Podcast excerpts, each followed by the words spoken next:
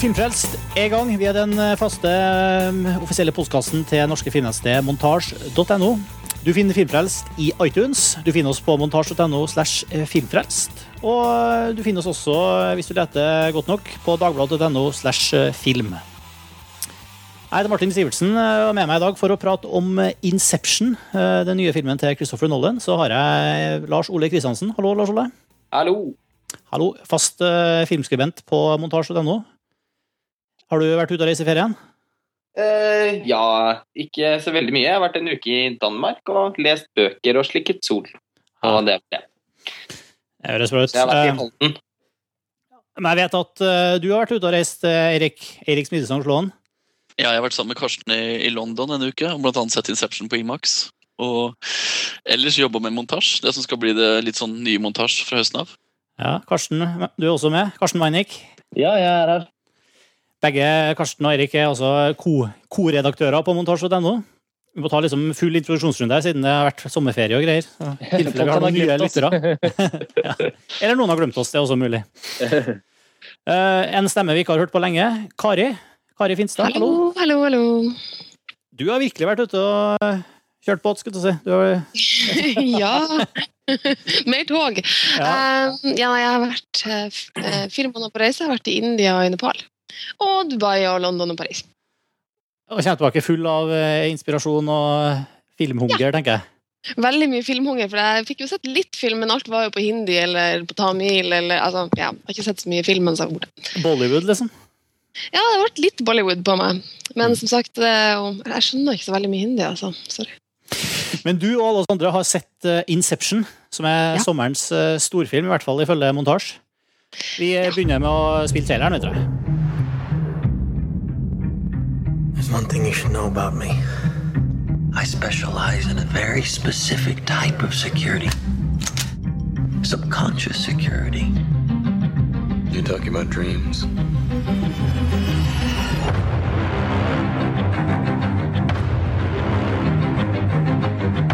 Mr. Cobb has a job offer he would like to discuss with you. Like a work placement?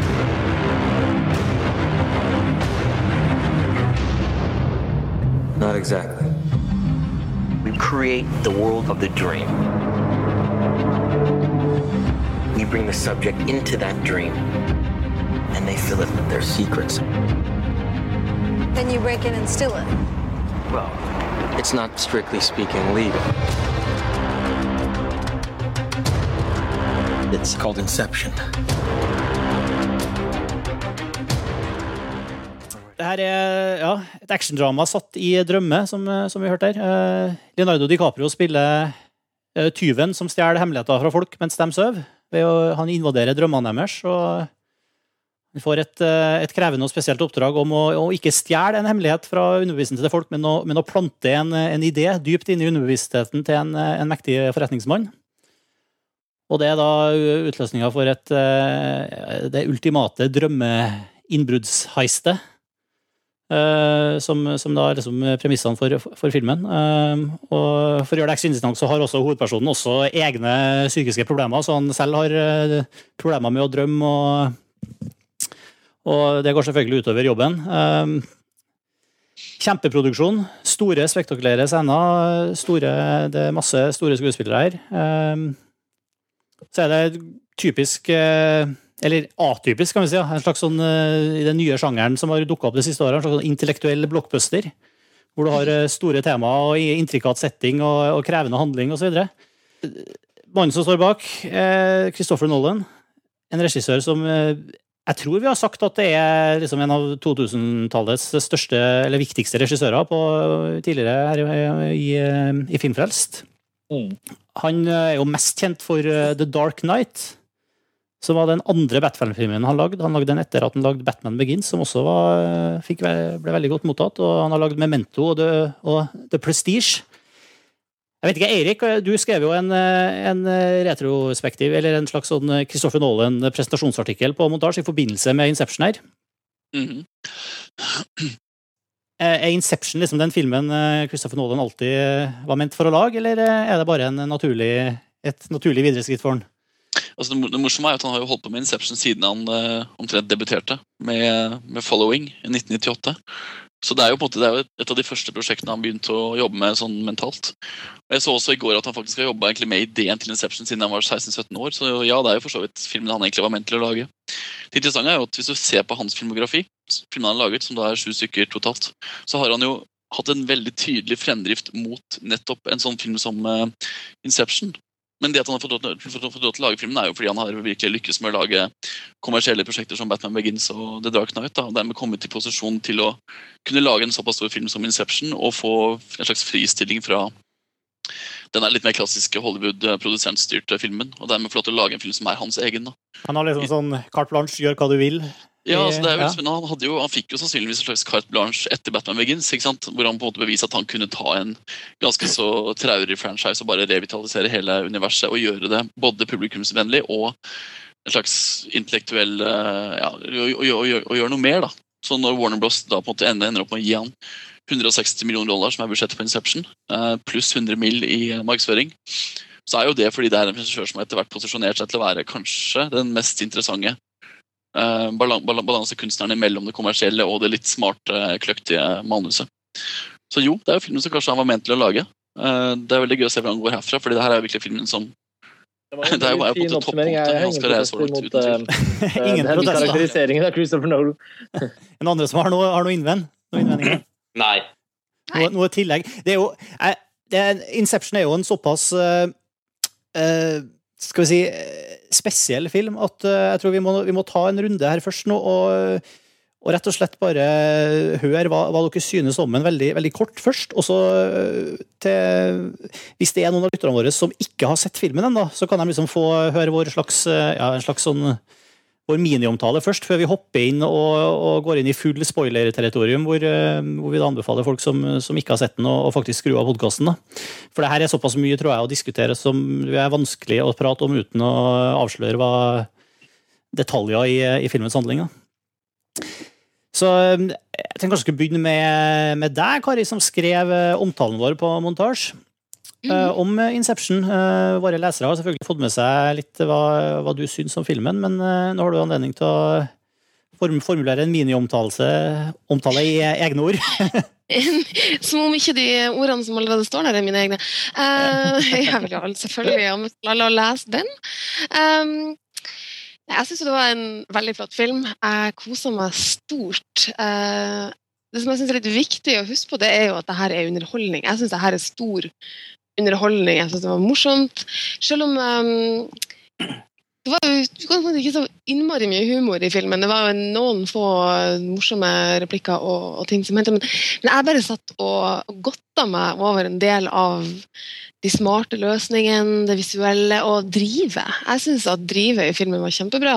Noen har klaga over at det skjedde så mye at man liksom ikke rakk å eh, på en måte ta det inn over seg. Jeg syns det var supert at det var eh, høyt tempo, for å si det sånn. Um, og det som virkelig som slo meg, som fikk meg til å sitte og gape, var jo en del av, uh, av si, nivåene inne i drømmeland. Der, du, der det på den ene sida ser veldig realistisk ut. Der fotoarbeidet for eksempel, er gjort egentlig med høy realisme, men uh, fordi at det er snakk om flere nivåer, så går liksom naturkreftene litt bananas. Uh, det syns jeg var løst så utrolig godt, og jeg syns det var utrolig spennende. Jeg beit negler som det sang etter, og ja, jeg jeg synes det er litt viktig at folk forstår at det her ikke er det er ikke Tarkovskij vi sitter og ser på. Det er en amerikansk actionfilm, og at man på en måte tar diskusjonen på det, det riktige nivået. Da. Eh, men i sin kategori så er jo det her milevis bedre enn det aller, aller meste man ser på kino. Du snakker om nivåer. da er det selvfølgelig referanser til til, til plottet at, det, det er drømmer i drømmer i drømmer, og for hvert, hver Ja, drøm i drøm du går inn i, så er det nye nivåer av, av Ja, ikke- ikke-realitet. mm. Akkurat det jeg mener. Jeg tenkte jeg skulle ikke ta det hvis, hvis vi fortsatt ikke er helt inne i spoilerland, så jeg tenkte jeg skulle være litt forsiktig. Uh, Jo, men det er viktig å si det når du først bruker, bruker ordet nivå. Ja. Ja, nivå. Jo, det er, ikke det er en drøm i drømmen Mm. som er en drøm i drømmen, osv. Og, så videre, og, så og der det, si, det som skjer i den ene drømmen, faktisk påvirker det som skjer i den andre. Uh, og tida blir helt uh, forskrudd. Um, det syns jeg var utrolig spennende. Lars Ole, hva er din uh, umiddelbare miniomtale av uh, Inception? Jo, altså det ligner jo veldig mye på det Kari har sagt, da. Uh, men man kan jo si at jeg syns, jo Christopher Nolan lagde sitt første mesterverk med The Dark Knight, som jeg nok syns er en av de absolutt beste actionfilmene noensinne. Kanskje, sånn, da mener jeg sånn kanskje topp to eller tre. og den har rett og slett blitt en av mine favorittfilmer. og man kan jo si at selv om forventningene til Inception var helt ekstremt høye, så følte jeg ikke at jeg engang kunne tillate meg å forvente at den skulle være bedre enn The Dark Knight. Og det syns jeg kanskje nesten at den var. Eh, jeg syns det var en helt sånn knusende god eh, filmopplevelse. og Nå har jeg sett den to ganger, og den var minst like bra andre gang. Uh, igjen, jeg syns det er viktig det det Kari sier med at det er faktisk en underholdningsfilm. Uh, og en underholdningsfilm kan være akkurat like god som en uh, veldig intellektuell kunstfilm. Og det er nettopp den kombinasjonen han gjør altså han, Det er noen som anklager filmen for å være pretensiøs, og det syns jeg blir veldig våsete, fordi at den har rett og slett bare et veldig intelligent utgangspunkt. Men Christopher Nolan er så dyktig til å lage sjangerfilm da, at han også mestrer å lage et heidundrende action-epos. da. Det er jo et adrenal adrenalinkick uten like uh, Inception, først og fremst. Uh, han har en Altså, han mestrer filmspråket så ufattelig godt.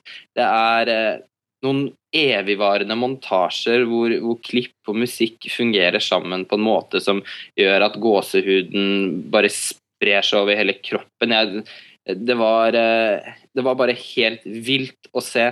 Og det jeg syns det var eh, Jeg er en av de som ikke er spesielt begeistret for Memento. Jeg syns det er en, eh, en, veldig god idé, men jeg syns det er en litt egentlig en ganske kjedelig gjennomføring. Og hvis det var noe jeg frykta litt med Inception, så var det at Inception skulle bli en sånn type film. Som går liksom litt for langt opp i sin egen klokhet. Det gjorde aldri Inception.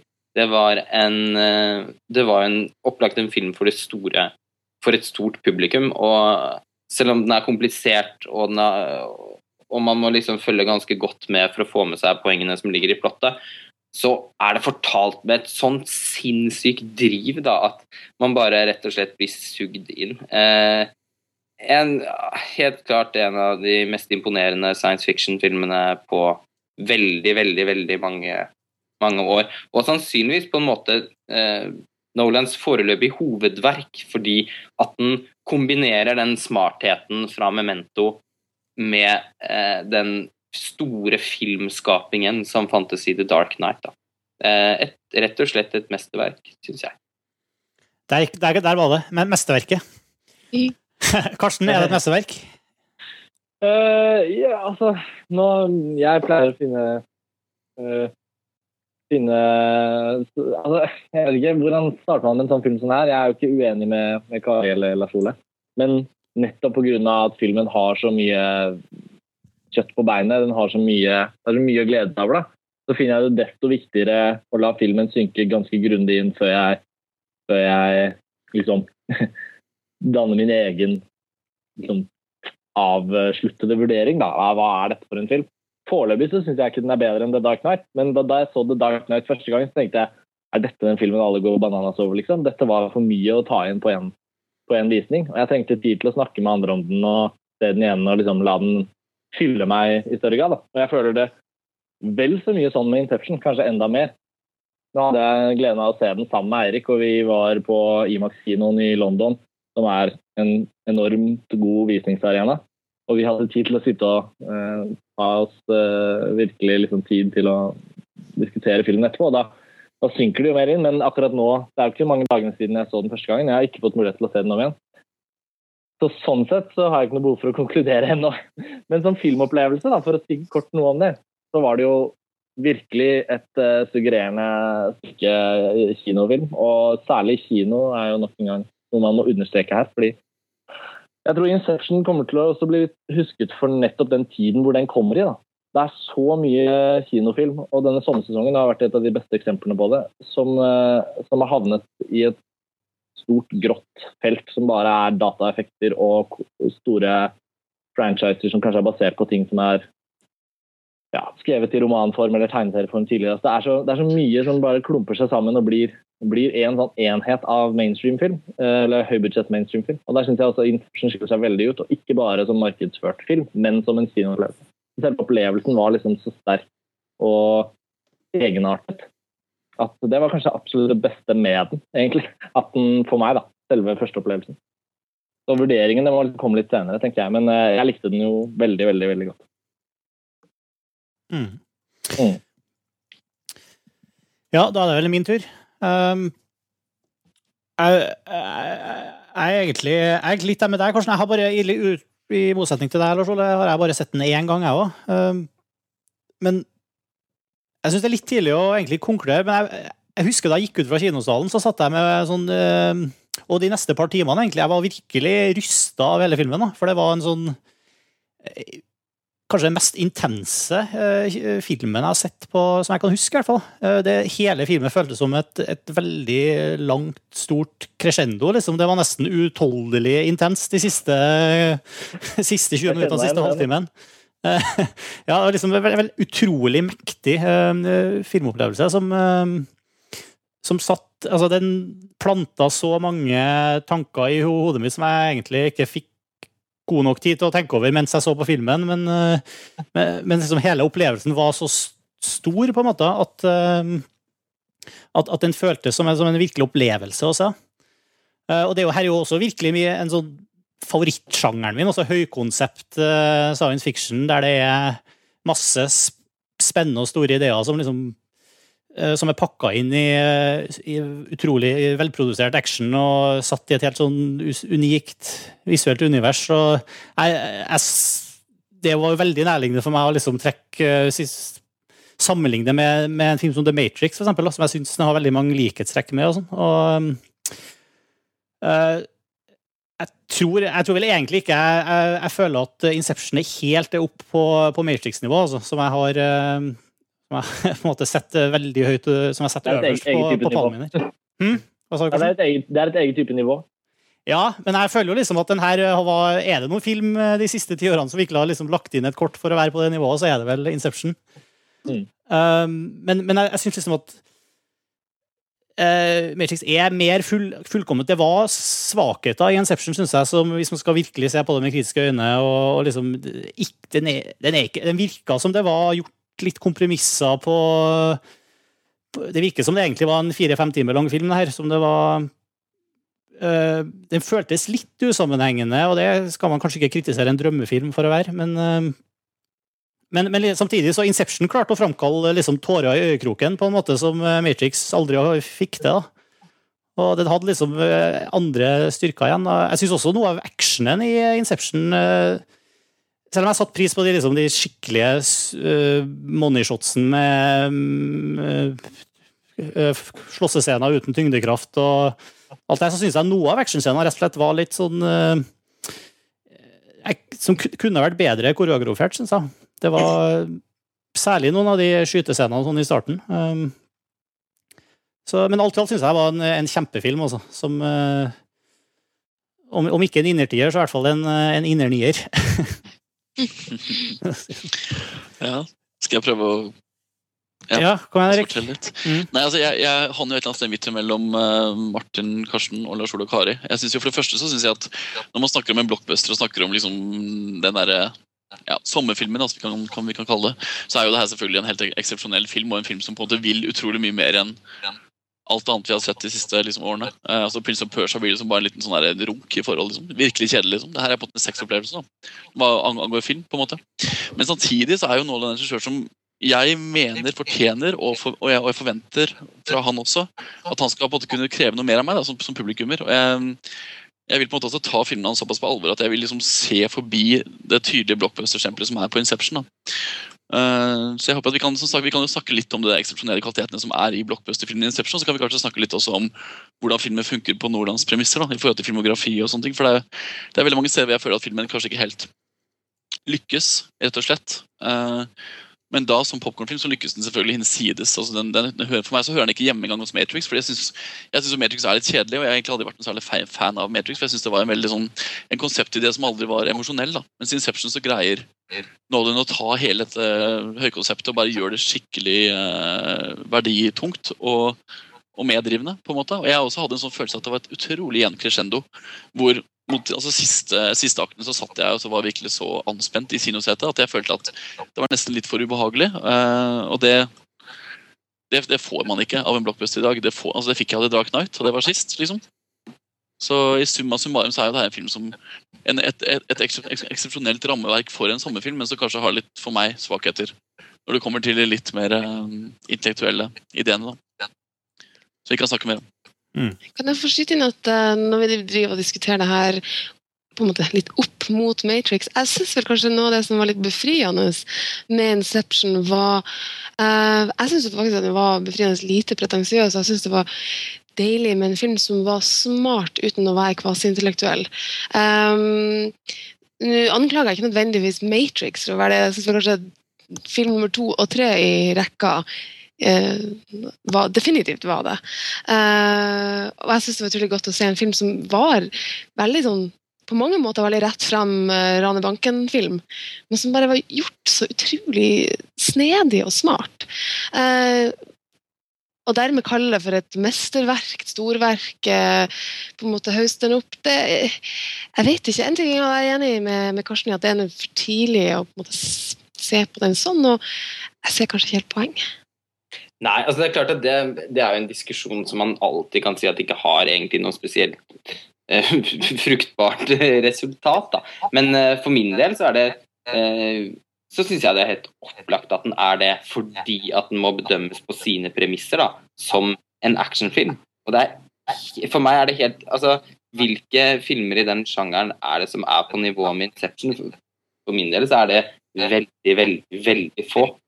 Jeg er veldig enig med deg, med deg når det gjelder akkurat Og jeg synes jo, men da må jeg også understreke, jeg syns jo, jeg synes jo et mesterverk, et actionmesterverk, kan være akkurat like mye mesterverk som Michael Hanekes siste film, da, for å si det sånn.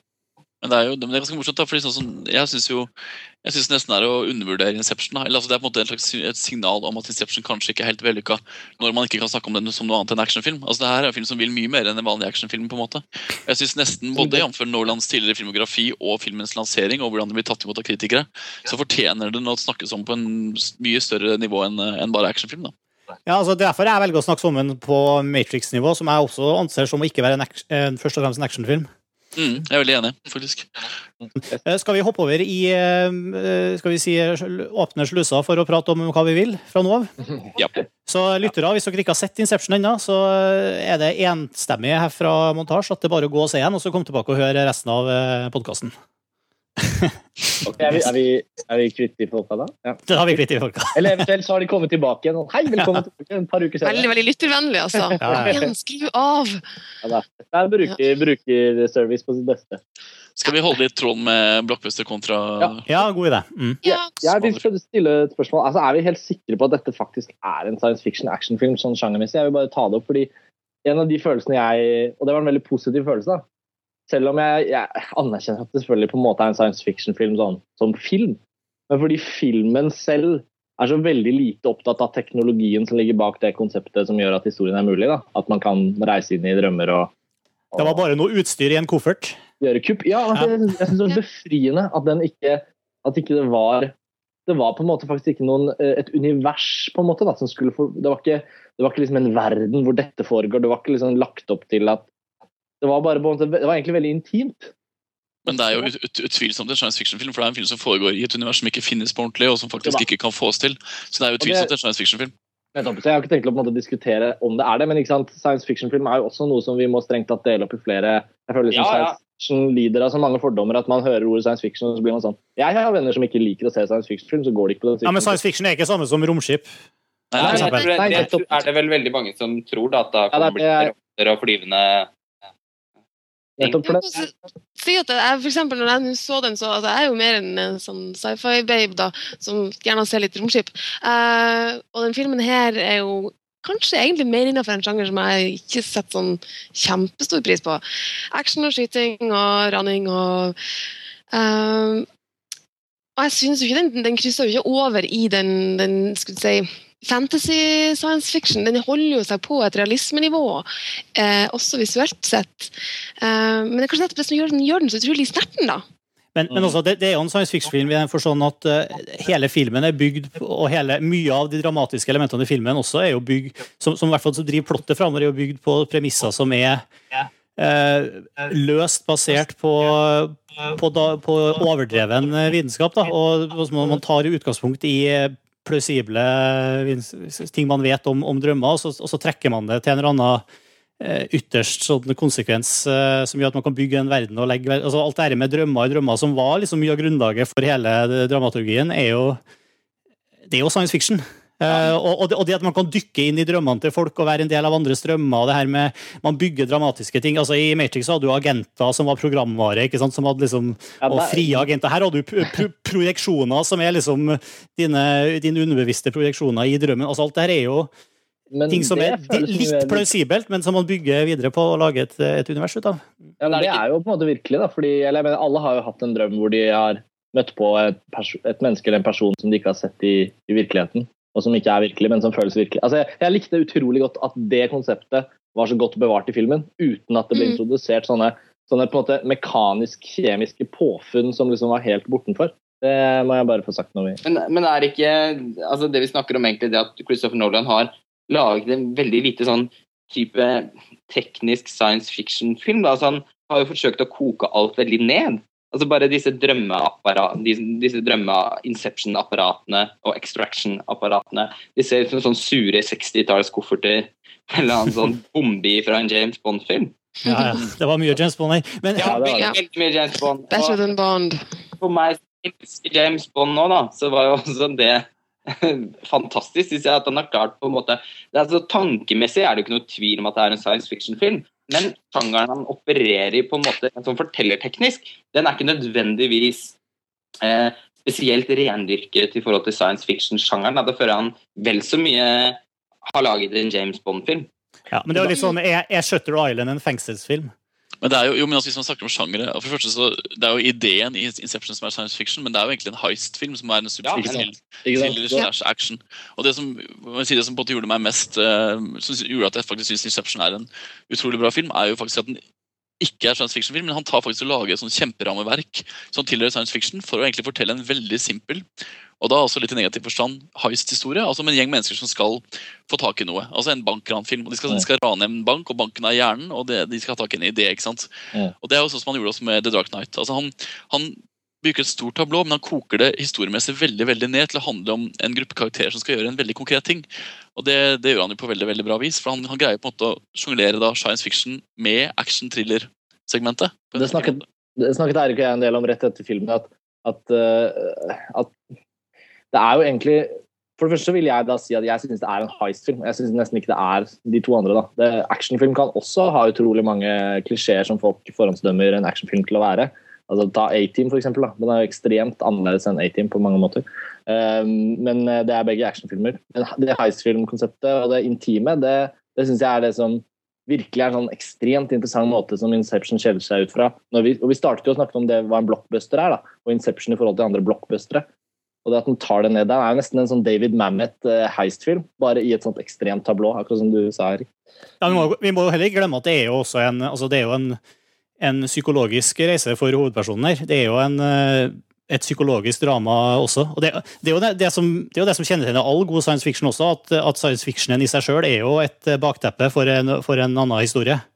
Mm. Men det er veldig morsomt at du tenker, Hvis du på en måte koker veldig ned Inception, så er det jo egentlig Altså, på samme måte som altså, Following handler jo, altså Debutfilmen til Nolan Following handler om en fyr som følger etter en annen fyr ikke sant? og som oppdager at det er noe rart med den personen han følger etter. Det her handler egentlig bare om Cobb, spilt av Leonardo DiCaprio, som følger etter denne Fischer-karakteren.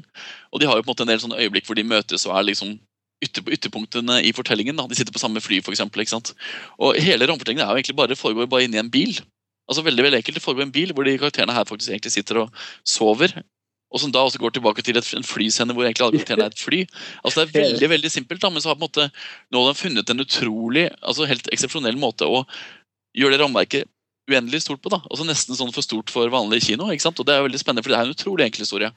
Ja, men jeg, jeg tror at mange vil si, jeg tror andre igjen vil si at kjøttet i historien ligger ikke kanskje i heistet, men det ligger i, eh, i, eh, i Cobb og hans, og, for, for, og hans problemer med, med, kona og livet og, og flukten deres inn i drømmeverdenen. og mm. Ja, det, men det vil jeg innvende litt, fordi at jeg synes nok mm. så, sånn Emosjonelt sett så syns jeg faktisk den historien om han Fisher var den som grep meg mest. Mm. Eh, den forløsende scenen der var helt utrolig god. Og selv om man ikke får Man får jo ikke vite så altfor mye om han, det er ganske knapt, men der eh, må rett og slett manuset være veldig veldig presist, for det funker veldig veldig bra. Jeg synes nok, eh, og på tross av at jeg er så panegyrisk i omtalen min av den filmen der, så, eh, så, så syns jo også jeg filmen har noen svakheter. Det har jo nesten alle filmer. Og jeg vil vel si den største svakheten til filmen er nettopp den her forhistorien til Cobbs og den relasjonen han har til kona si, fordi hun er rett og slett en litt sånn klønete karakter. Uh, og så er hun ganske uheldig spilt, syns jeg, Marianne Cotillard. Jeg syns ikke hun gjorde en veldig god jobb i den rollen. Kanskje er det rett og slett litt, også litt uheldig, syns jeg, at hun har den franske aksenten sin, som gjorde henne til en litt sånn til tider litt sånn parodisk film noir-skikkelse, da, som jeg faktisk slet litt med. Jeg, synes, jeg liker normalt Marianne Cotillard veldig godt, men kjøpte henne ikke helt i den filmen her. Det er fryktelig vanskelig rolle å spille, for det er jo faktisk, hun er jo aldri et levende Hun er jo en død person. Altså, ja. Det hun spiller, er eh, hvordan Leonardo DiCaprio husker henne, og hvordan hun, hennes minne inni Leonardo DiCaprios drømmer manipulerer ham og andre karakterer. Altså, eh, hvordan skal Nolan instruere det, og hvordan skal det fungere? Hva skal det spillet være? Fordi hun er jo da egentlig på samme måte som for det, det Nolan gjør med alle disse de folka som kommer for å skyte, og alle disse alle de som på en måte ikke er bevisste på at de er i en drøm, da. Men alle mm. disse representasjonene er jo de, de er veldig sånn Vi snakket litt om det. Nesten sånn utrolig stinky statistregi. Hvor det kommer sånne zombieaktige mennesker som stirrer på, på. Det er veldig sånn tulle Det er sånn dårlig, egentlig. Men så er det jo på en måte ment å fungere som en representasjon. Mens Cotillards karakter er jo også en av de, bare mer aktiv. Og hvordan skal hun da fungere? Jeg syns egentlig det fungerte veldig bra. Men jeg måtte tenke litt på at ok, hun skal på en måte ikke spille bra, men så skal hun jo spille bra. Ja. jeg syns mest med den franske aksenten. Altså. Jeg syns den ble rett og slett litt latterlig. Men akkurat det du sier, det er jo, det, det er jo den, en av de hovedkritikerne som blir reist mot filmen generelt, er jo ikke bare Marion Cotillard sin karakter, men de all, nesten alle rollene, bortsett fra Leonardo DiCaprio sin, kan man jo nesten si er litt klønete og tom, og, og, og ikke får utfolda seg skikkelig. Nei, men ja, Jeg syns ikke det, da. Nei, jeg er også helt uenig i det. De er, liksom, de er litt om brikker i et spill, det kan jeg være enig i, men hvorfor i all verden skulle man gå seg innpå de karakterene? Det syns jeg ville vært klønete. Sånn som Ellen Page har fått veldig, fått veldig mye kritikk eh, for den filmen der. Jeg, ble, jeg er fullstendig uenig. Jeg syns hun var kjempebra. Hun var veldig, troverdig, veldig troverdig som en, som, som en student, da, som en spiller som kommer inn i det prosjektet her, reagerte på tingene på en sånn veldig sånn nøktern og for meg veldig menneskelig måte. Da. Jeg syns hun var kjempetroverdig og fungerte veldig godt. Jeg syns det var litt befriende å, å ha eh, skikkelser karakterer rundt som man ikke nødvendigvis er nødt til å gå inn på, på livene til, men som allikevel var tydelig, som på en måte hadde personlighet. Som var litt til stede. Um, så jeg har ingen problemer med at man ikke går inn i et sånn djupt persondrama med alle bykarakterene. Men der ligger kanskje problemet med at Inception blir en slags sånn mellomting mellom en blockbuster, som da kan ha overfladisk behandla karakterer og ikke særlig mye utvikling, og en litt mer eh, smart film. da, på en måte, At den feiler litt for at den ikke nødvendigvis blir det ene eller andre. Det blir en sånn mellomstadie. altså Det blir liksom både ekstremt underholdende, men samtidig så gir den ikke nok som en sånn smart karakterstudie. liksom. Det skal jo sies at den her, altså, ja. ja, go on, go on. Nei, altså, jeg skulle bare si at Det er jo veldig viktig at vi har med her at uh, Inception koster 160 millioner dollar. Og det er viktig å ha med seg Warner Bros i samtalen, fordi uh, Leonardo DiCaprio uh, betrygger jo disse pengene ved å være stjernen i filmen og være den personen som skal bære filmen igjennom en, eh, et, kino, et, kino, et kinoopphold. da. Og det er jo sånn at faktisk at Nolan hadde jo ikke fått, altså Han har jo fått de pengene på basis av The Dark Knight, men filmen trenger jo en slags star power for å invitere publikum. Altså Veldig få av mine venner hadde hørt om Inception for to uker siden. De hadde hørt om at det skulle komme en slags Leonardo DiCaprio-film, og det, det visste de om, men ikke at den het Inception. Og De hadde ikke noe forhold til at det her var Christopher Nolan som lagde The Dark Knight. Det kom jo først nå, en uke senere, når filmen hadde premiere og folk snakker om den. Så den trengte den der såkalt frontloadingen, som de kaller det i USA. Altså at han faktisk at den hadde en stjerne som kunne kjøre den opp på de store plakatene og fronte filmen. Og det har også påvirka manuset, tror jeg. For jeg husker veldig godt at DiCaprio var jo den første som ble casta på Inception. Og jeg tror ikke at DiCaprio har på en måte forlangt en litt mer, altså en større karakter å spille. Og vært med og bidratt i prosessen med å utvikle den karakteren. Det er så tydelig at det er liksom den eneste karakteren som Nolan faktisk bevisst har gått inn og gjort en skikkelig forhistorie på. da. Eh, Og Det tror jeg handler veldig mye om hans posisjon i filmen, også i forhold til markedsføring. Også i forhold til at publikum skal ha i hvert fall én karakter og virkelig liksom kunne leve seg inn i det.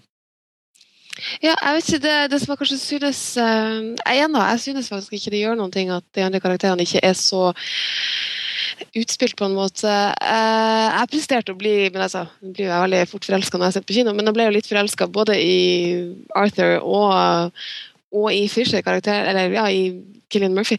Um, jeg tror det har mye med at det er gode skuespillere som da klarer om du vil, å gjøre veldig mye ut av veldig lite. Eh, eh, kanskje litt den forståelsen av at av og til så trenger det liksom ikke være så jævla mye, da. Det er noe med tilstedeværelse, det er noe med de små uh, de små tingene uh, som jeg synes sitter altså Kanskje er bare det at den er veldig veldig godt casta, som gjør at det fungerer for meg. Ja, jeg, vil- jeg vil påstå at det på mange måter bare redder egentlig ganske mye av selve karakternivået i Inception. Ja, at han faktisk kanskje. caster så utrolig bra. da. Ja, for det, jeg syns det er utrolig velcasta. Altså, det er bare sånn derre- ja, jeg vet ikke, det, men det er jo litt merkelig. Det er jo, altså, Joseph Gordon-Levitt er liksom jeg vet ikke, Han skinner på skjermen av en eller annen grunn uh, i Ja. den filmen. Uh, jeg tror det er bra casting, men jeg tror også det må være altså, Det er velregissert, selv om manussida av karakterene kanskje ikke er spesielt eh, interessant. Eller, ja. Det blir jo samme som du ser på Batman Begins of the Dark Knight. For eksempel Morgan Freeman og Michael Caine sine karakterer. De har jo, også eller Maggie Gyllenhaal, for eksempel, de har jo egentlig ingen forhistorie, men skuespillerne er såpass sterke. da, Og de, er såpass, de har såpass utstråling, sånn som da Joseph Gordon-Levitt utvilsomt har, at det nesten redder filmen fra å ha behov for den skikkelige karakterdybden. da. Vil jeg Ja, påstå. og jeg syns jo også man må anerkjenne Christopher Nolans rasjonalitet. da. Selv om man kan si at han beveger seg både inn i en, eh, i en klassisk blockbuster-type film og en mer intellektuell kunstfilm. Eh, og man kan jo alltid si at det kan falle litt mellom to stoler. eh, Det er jeg ikke enig i. Nettopp fordi at jeg syns han, er veldig rasjonell. da. Altså, Tingene som er der, er hele tiden med på å gi filmen eh, det drivet den trenger for eh, å, å kunne bli så medrivende som den strengt tatt er. da. Eh, Jeg syns først og fremst at det er et mesterstykke i å komponere sammen en film. Og den rent sånn eh, sanselige effekten av filmen er, er, helt, eh, er helt fenomenal. Og det skyldes også litt at han ikke har falt for fristelsen å utforske for mange karakterer. La det, altså, eh, jeg er ofte så lei det. Det er veldig, det er veldig konvensjonelt, syns jeg. Jeg syns også det er veldig flott at han har laget disse drømmene. Jeg så leste en anmeldelse i Morgenbladet av Ulrik Eriksen som jeg syns var veldig merkelig. Fordi han etterlyste at han syntes at det rareste med Christopher Nolans film var at den var så lite rar. At drømmene våre er, er, pleier å være assosiative, merkelige. For det første må jeg si jeg drømmer ikke sånn som David Lynch gjør. Drømmene mine er som regel ganske vanlige og ganske kjedelige. Eh, Her er de riktignok ikke kjedelige, men det er jo fordi de konstruerer drømmer. Og eh, det at han holdt en veldig sånn nøktern, realistisk tone i de drømmene, syns jeg var veldig forfriskende. da. Fordi den assosiative, veldig sånn sånn flakkende drømmen er jo strengt tatt blitt en, ikke bare en konvensjon, men en klisjé. Og når man da plutselig begynner å etterlyse å, hva man tror hva David Lynch kunne gjort med den filmen der, altså Ærlig talt, David Lynch ville ødelagt den filmen. der. Først og fremst hadde han laget en helt annen film. Så jeg syns sammenligningen er like uinteressant som den er latterlig. Eh, ja, det virker jo som de fleste også er enige om at han, han har laget en heistfilm. Og fy faen for en heistfilm, altså! Og ett element som jeg, vi, som jeg skal slippe ordet nå, men et element som jeg foreslår at vi fortsetter å diskutere etter det her, det er det som for meg kanskje er det aller, aller sterkeste elementet med den filmen her. Og det er veldig mye gull å velge i, men fy søren for en musikk. Men, men du, før vi kommer til musikken, Lars Ole. Mm. eh, vi må nesten inn på et par ting. Når du, når du snakker om logisk komposisjon og, og oppbygging av, av, av filmen her eh, Det er jo eh, en del ting her som i hvert fall som, som jeg, eh, andre har sagt før meg her, og som jeg har, har på en måte også lest og, sagt meg enig i og satt og tenkt når jeg så den i kinosalen òg, at, at det blir lagt opp til veldig mange ting i filmen her som, som ikke blir innfridd i eh, liksom hele, hele første delen av filmen går veldig mye på å etablere det her universet og, og sette spillereglene for hva som skal skje, og, og, hvordan det er å dukke ned i stadig nye drøm i drømmenivåer. Og hva, hva, hva reglene er, hva de må gjøre for å komme seg ut, og alt mulig sånt. Og så, og så er det brukt mye tid på å legge opp til ting eh, som, som du sitter og venter på skal bli innfridd i, liksom, eh, i den store actionscenen, som på, for all del var veldig effektiv på slutten. Jeg satt ikke og, og savna det der og da, men jeg tenkte etterpå når filmen var ferdig, at herregud, liksom, hvorfor fikk vi ikke se noe mer av det? Og, og da tenker jeg på sånne ting som at eh, liksom eh, hun, eh, det, hun, hun Ellen Page-karakteren, som er arkitekten som skal sitte og bygge labyrinter, eksempel.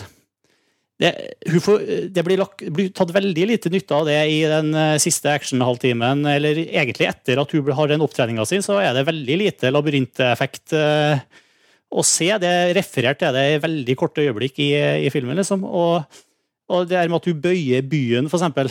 Utrolig heftige scener. Men det, det er jo det er liksom hennes eh, Det er liksom I know kung fu. Fra, fra, hun, liksom, hun, hun, hun gjør fantastiske ting der som heller ikke blir brukt senere i filmen. Du får se at hun lager seg sin egen eh, totem, liksom. Det er, eh, som det er sjakkbrikker som heller ikke Du får bare se at du lager den. Det blir, aldri, det blir lagt opp til veldig mange ting som på en måte enten ble klippa ut og tatt bort av manus, eller som kanskje ikke er meninga skal men det som eh, jeg, mange har påpekt er litt sånn ink, inkonsekvent, da. Og jeg er tilbøyelig til å være enig i det. Det bevarer jo en viss mystikk, da, syns jeg. At han, eh, for jeg er også enig i at Det er noen av de tingene man ikke får vite så mye om. Men jeg ser på liksom første halvdelen av filmen som kanskje tidenes mest avanserte powerpoint-presentasjon. Altså, lett med illustrasjoner. Altså, man får liksom vite om hvilke muligheter som ligger der, og så begynner det jo å, som seg hør og bør, show don't tell. Og så begynner, han jo, begynner de rett og slett å gjøre det de har snakket om, men ikke alt de har snakket om. Og det syns jeg er helt, helt ok. Jeg følte ikke noe savn. Altså, jeg har også lest de der anmelderne som kommenterer at de ikke får fullført intensjonen i filmen. Men det er jo bare tøys. Jeg, altså, ærlig talt for det første så, ok, Han setter opp et univers som har pågått over lengre tid. Vi merker at denne karakteren har hatt en forhistorie. Han har holdt med det her i sikkert hvert fall 20 år. Og han har sitt team osv. Vi vet at det er en forhistorie. Og det er jo den forhistorien som det spilles på i første akten. Altså Det er noe som har foregått før. Men filmen skal jo ikke handle om det. Filmen skal jo handle om faktisk ett bestemt prosjekt, som også viser seg å være en slags katarsis for hovedpersonen. Jeg syns jo at Det er veldig naivt som anmelder og egentlig som film går og tro at den filmen her skal være en slags sånn der, ja, fortsettelse av en powerpoint-presentasjon. da. Filmen her handler ikke om det. Det her er en film av Christopher Nolan som handler om å gå inn i hjernen til en person. Det er ikke en sånn, der, kjempestor sånn estetisert Det er ikke Matrix, da, for eksempel. Og jeg synes jo at Matrix dumma seg fullstendig ut fordi at den bare ble en sånn derre åh, ok, nå skal vi vise hva vi kan gjøre med bullet time og så mye kule effekter. Den fellen går aldri Christopher Nolan i, da. Og det er så utrolig deilig, for det gjør at filmen kommer til å holde seg om noen år. da. Eh, Når den effekten på en måte har blitt kopiert 150 ganger. Jeg synes at han bare, det, det mest kompromissløse vil jeg påstå i Inception, og det som gjør at for meg er at det er en vellykket Christopher Nolan-film, som det jo er, det er nettopp at han faktisk velger å gå bort fra førsteakten sin. Nå har han vist at Paris kan brettes over seg selv, og da er det gjort. Og da tenker vi at ok, shit, folka har gjort mye ting før. Her er det masse forhistorie. Veldig veldig spennende. Jeg vil gjerne se en prequel. Nei, men Det er jo første gangen hun gjør det her. Ja, for henne, ja, men vi som publikum skal få fortalt en historie om ett bestemt prosjekt. Og i det prosjektet så er alt det her underlagt alt, altså Det er kun underlagt det prosjektet. Ja, men han, altså, eh, kopper DiCaprio hadde ingen hadde sett det der før. Hun gjorde det for første gangen der. Nei, nei, nei men, jo, men, altså, jo, men altså, det, det viser jo bare hva man kan gjøre inni hele drømmeuniverset. Men det er ikke det filmen handler om. Filmen handler ikke om hva man kan gjøre i en drøm. Filmen handler om å finne en bestemt idé. Og jeg synes at Det som gjør at det her blir en manusfilm, og ikke en sånn konseptfilm som jeg vil påstå at Matrix og Fight Club videre er, er det at noen faktisk velger å rendyrke en historie, en, en grunnleggende idé, da, istedenfor å falle i effektfellen. Og Beste eksempelet på det rent teknisk er jo faktisk at den filmen her har jo nesten ingen effekter. altså Den har et eller annet sånn 500-600 effektinnstillinger totalt, og det er liksom sånn en fjerdedel av det Man må jo skille mellom effekter og digitale effekter. Altså datagenererte effekter. nei, nei, nei, nei, nei, nei, nei, men Nå snakker jeg om effektinnstillinger. Den har 500-600. Altså, det er da digital eh, VFX. da. Så har den 500-600 av de.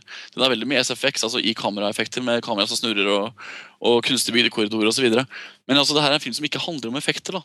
Eh, og jeg synes at det er en veldig fordummende debatt å snakke om at det her er en ny Matrix. fordi Matrix er en effektfilm. Inception er ikke en effektfilm. Uh, Inception er først og fremst en idéfilm som har et, et manus.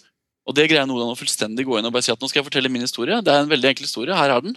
Og så vet dere at det ikke kan skje veldig mye mer, men det er ikke interessert å vise dere akkurat nå. Og den kompromissløsheten faller jeg veldig for, da.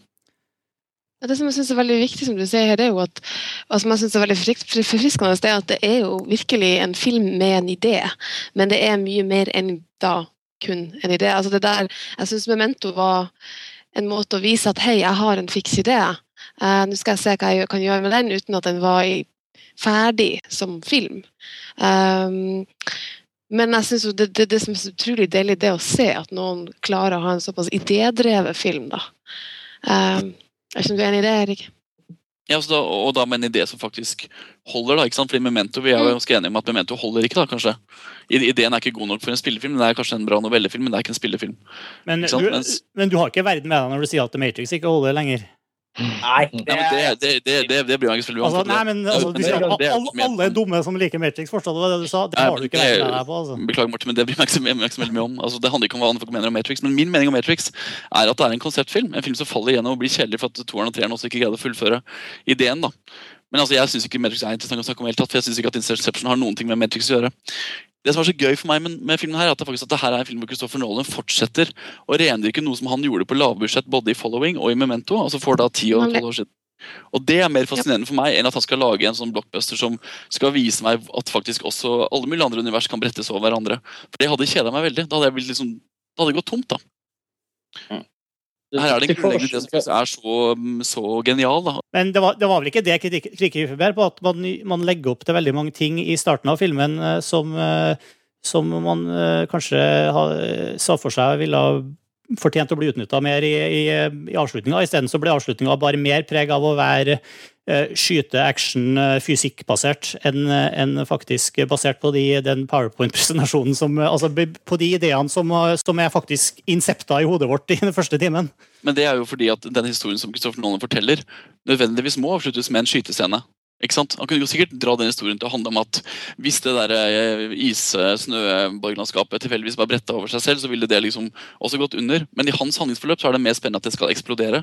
Og selv om det kanskje lager mer James Bond-film enn det lager eh, science fiction-film, ok, men altså det er hans historie. ikke sant? Og i den historien så hører ikke den der fullfølelsen av effektideen med, sånn som jeg ser det. da. Nei, og det er forfriskende også at, at han gjør det i en science fiction-film. At han bryter på en måte Fordi eh, jeg syns det blir på en måte feil å sitte og etterlyse konvensjoner da, når han heller gjør noe annet. Jeg syns det er mer forfriskende.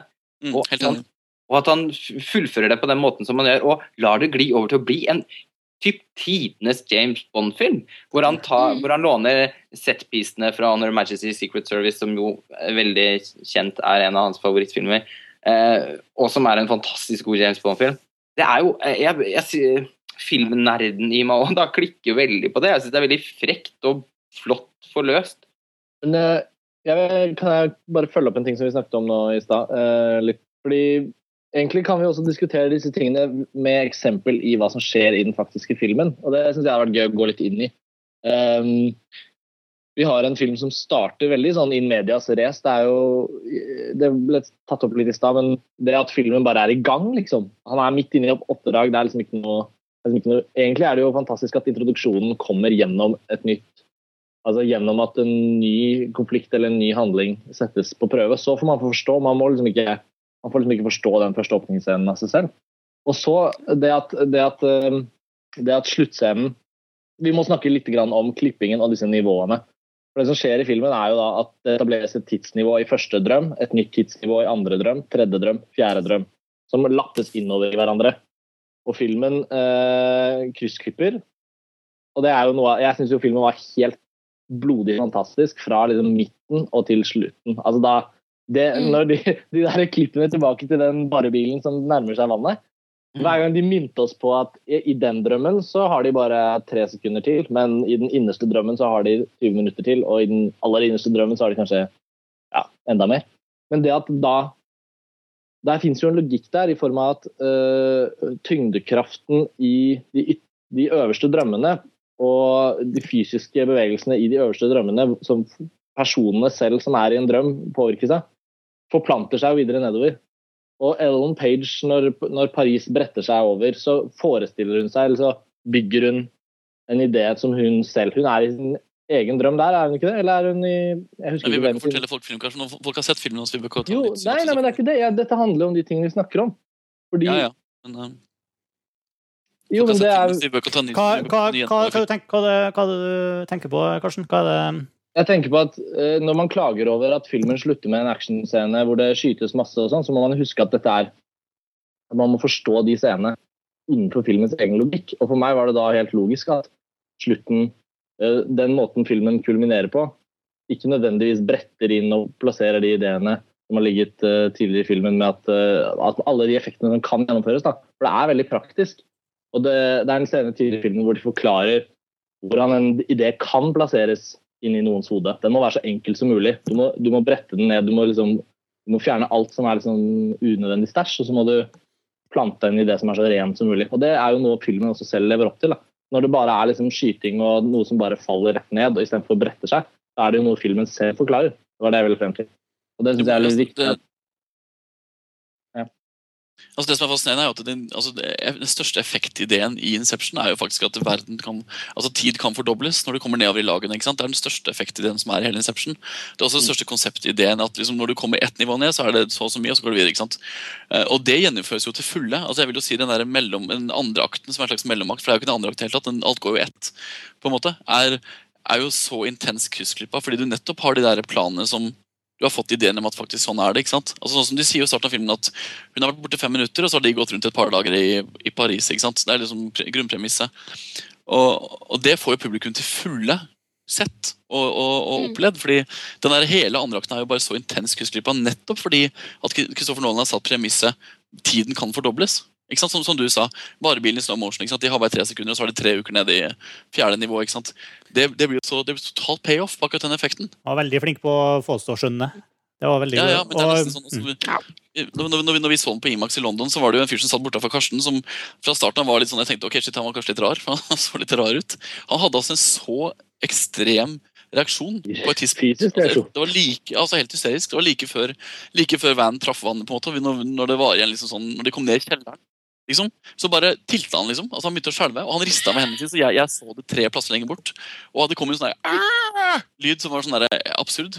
Og altså, jeg tenker jo at I en film som hvor det er så mange ideer som kan gjennomføres og gi en slags publikumsopplevelse, så har jeg fått grunnideen da, er så fullstendig gjennomført. Og, og det er jo en science fiction-idé, men den er jo utrolig mektig og kul. Det er jo, Mm. og det, og det, det er jo, den, den er jo veldig effektiv i den slutt-actionsekvensen, men den, jeg syns også den er ekstremt effektiv som sånn mindfuck-greie når du tenker på uh, Leonardo DiCaprio, Cobb og, og kona hans som eh, sitter 50 år i en drøm. Sitter fast dypt. Som, som ikke er direkte del av actionsekvensen, men som likevel bare som, som konsept, liksom. Men det er det som var det Karsten Lars Olsen som sa at den siste liksom, forløsningen av det forholdet mellom de to er jo veldig fint løst. Altså Den der, den der ideen om at de har hatt et 50 års forhold, og at de egentlig er ferdig med Altså De har jo hatt, hatt et liv sammen. faktisk. Det er nesten en slags sånn der Alzheimer-barmhjertighetsdrapsgreie over, over på en måte Jo, men over det Leonardo DiCaprio faktisk da Hans karakter Han forsøker å på en måte løse konas situasjon, og så gjør han alt feil. Ja, men det, det, det, det er akkurat i, i, i det at den stiger over, eh, føler jeg da eh, sci-fi som premisser for en kul actionsekvens på slutten. ja. Men hva, hva, hva var det du ville ha, Martin? Hva var det du på en måte, altså, Nei, jeg fikk akkurat det jeg ville ha. Eh, men jo, men sånn nå, nå for eksempel, Hvis du ser tilbake på det nå, hva, hvor tenker du han kunne tatt for eksempel, den ideen med alle effektene? da?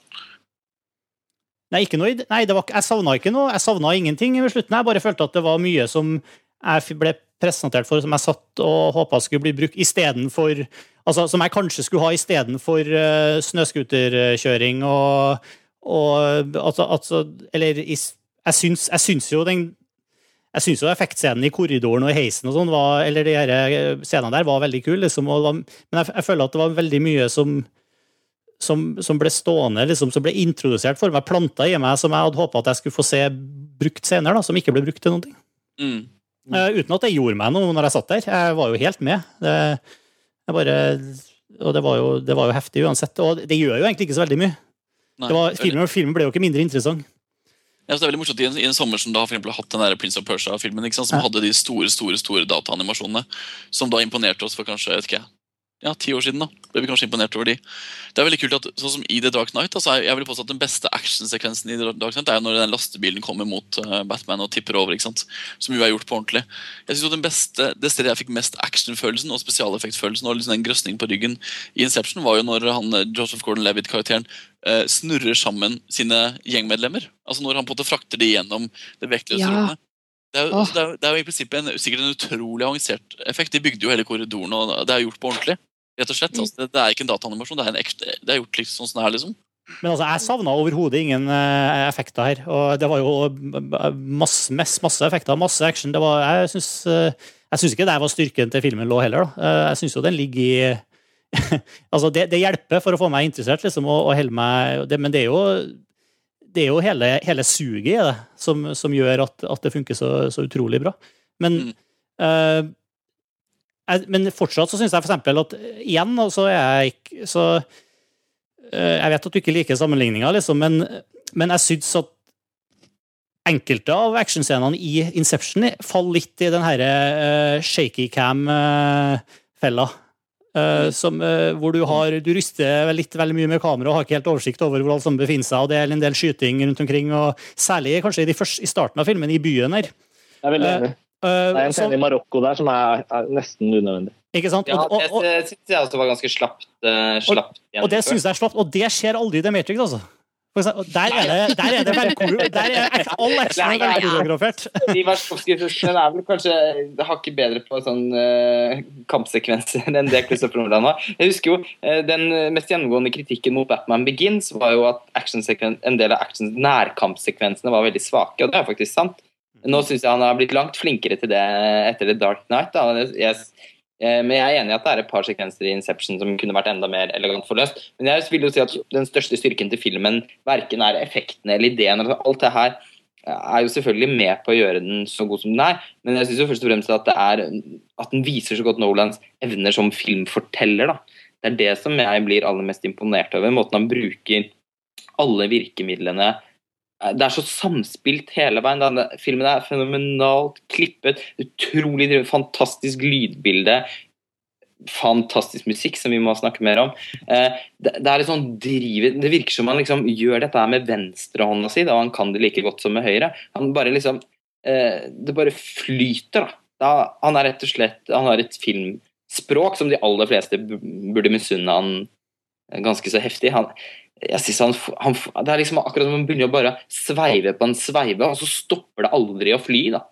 Det er Eh, veldig det veldig- han, faktisk, eh, han, han, han gjør det ved at han faktisk da unngår å bruke disse store visuelle dataeffektene.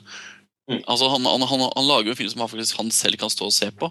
Når han jobber på sett, så står han jo med effektene foran seg. ikke sant? Altså de brukte jo, han der, Joseph Gordon-Levitt øh, øvde, øv, øvde visstnok i tre uker i vektløs korridor for å kunne gjøre de der actionscenene. ikke sant? Altså Når folk ser det Dark Knight og ser en lastebil, så sier de ok, det er sikkert dataanimert. Når folk ser den korridorscenen her, så tenker de ok, det er sikkert green screen. Men det er jo ikke det. Det er gjort i kamera. Og dermed så kan Christopher Nolan stå på sett og som du sier, holde en rytme og en fremdrift, for han ser jo hva som kommer til å skje.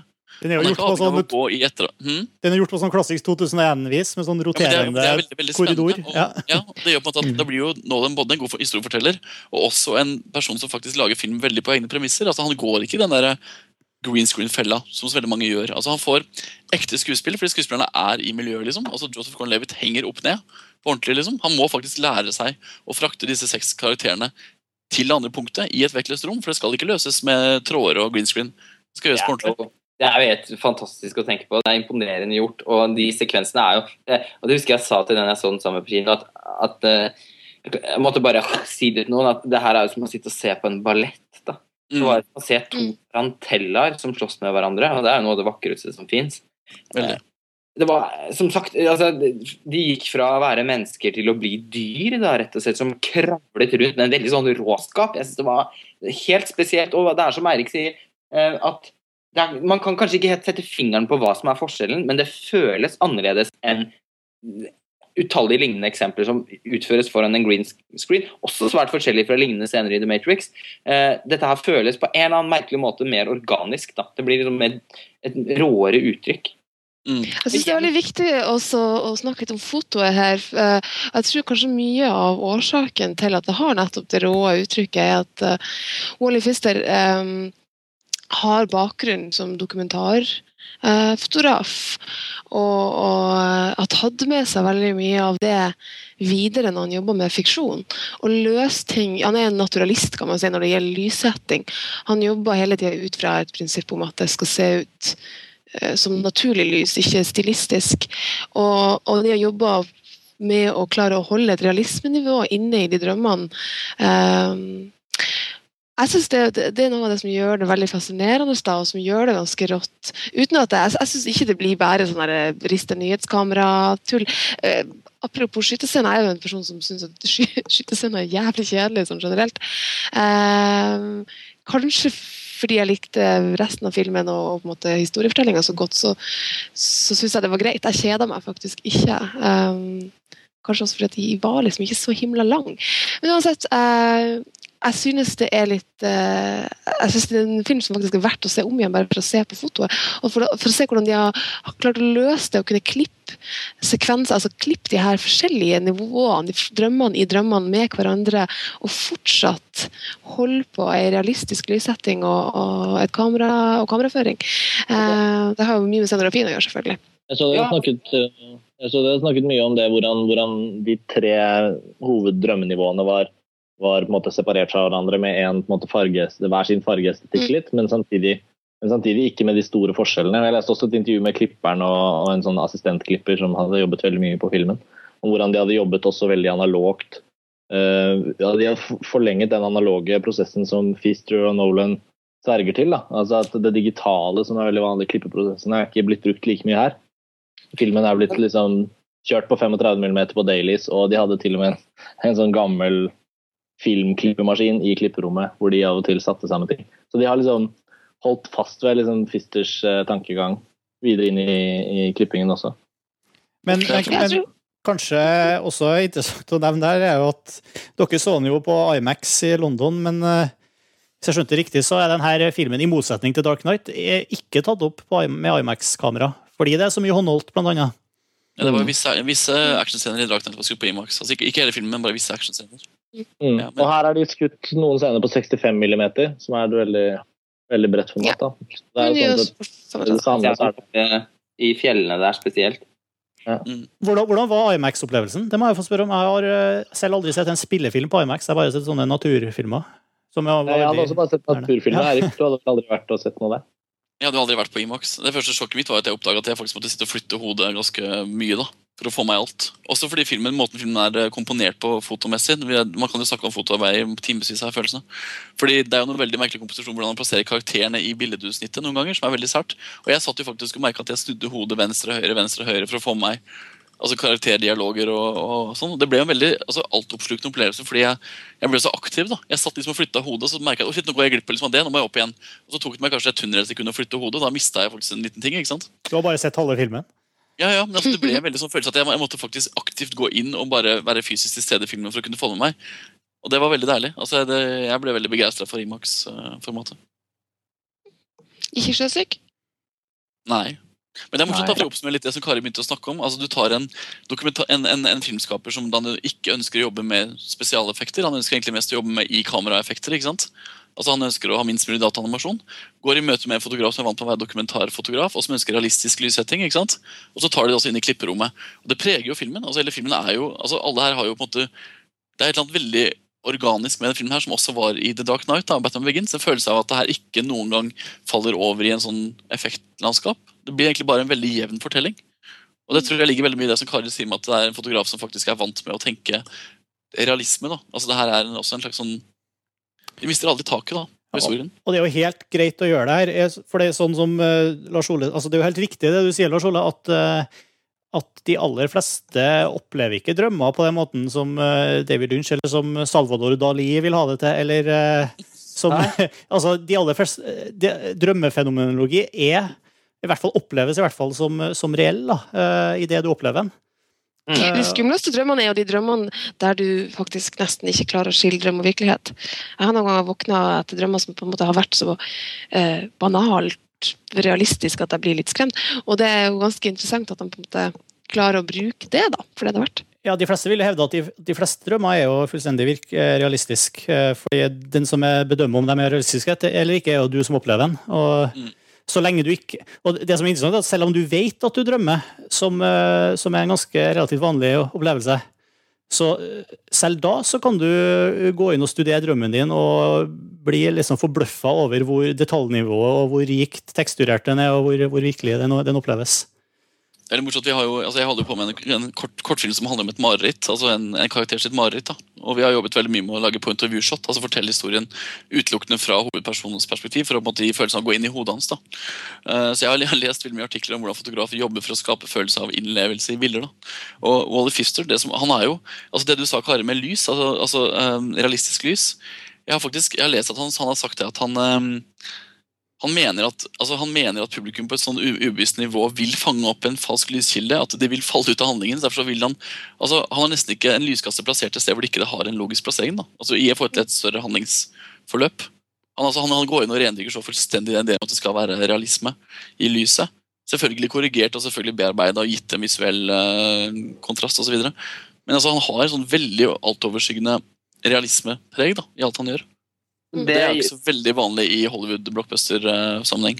Nei, og det føles eh, også, syns jeg, ganske kompromissløst. da, Nettopp fordi at han slipper å bruke talentet sitt på en måte skjule digitale effekter som er for svake, ved å tinte hele bildet gult eller grønt eller blått. Som jo er, som jo er veldig typisk for sjangeren. da. Han, eh, jeg syns at bildene får en, en helt annen type kraft, da, med at de på en eller annen måte også er så nedstrippet som de er. Fryktelig avanserte, men på en annen måte enn det, det vi er vant til. Så det er også med på å gi filmen det særpreget, vil jeg si. da. Mm, Jeg syns det er utrolig deilig med foto som, som virkelig fungerer på et nivå der det, det er der for å fortelle historie, ikke bare for å få ting til å se pent ut. Og det, ja. og det gjør at den filmen her altså, Sånn sett, så fotosida så kan man kanskje gå ut og ikke har lagt merke til det, hvis du skjønner. Men det, det ser liksom pent ut, da.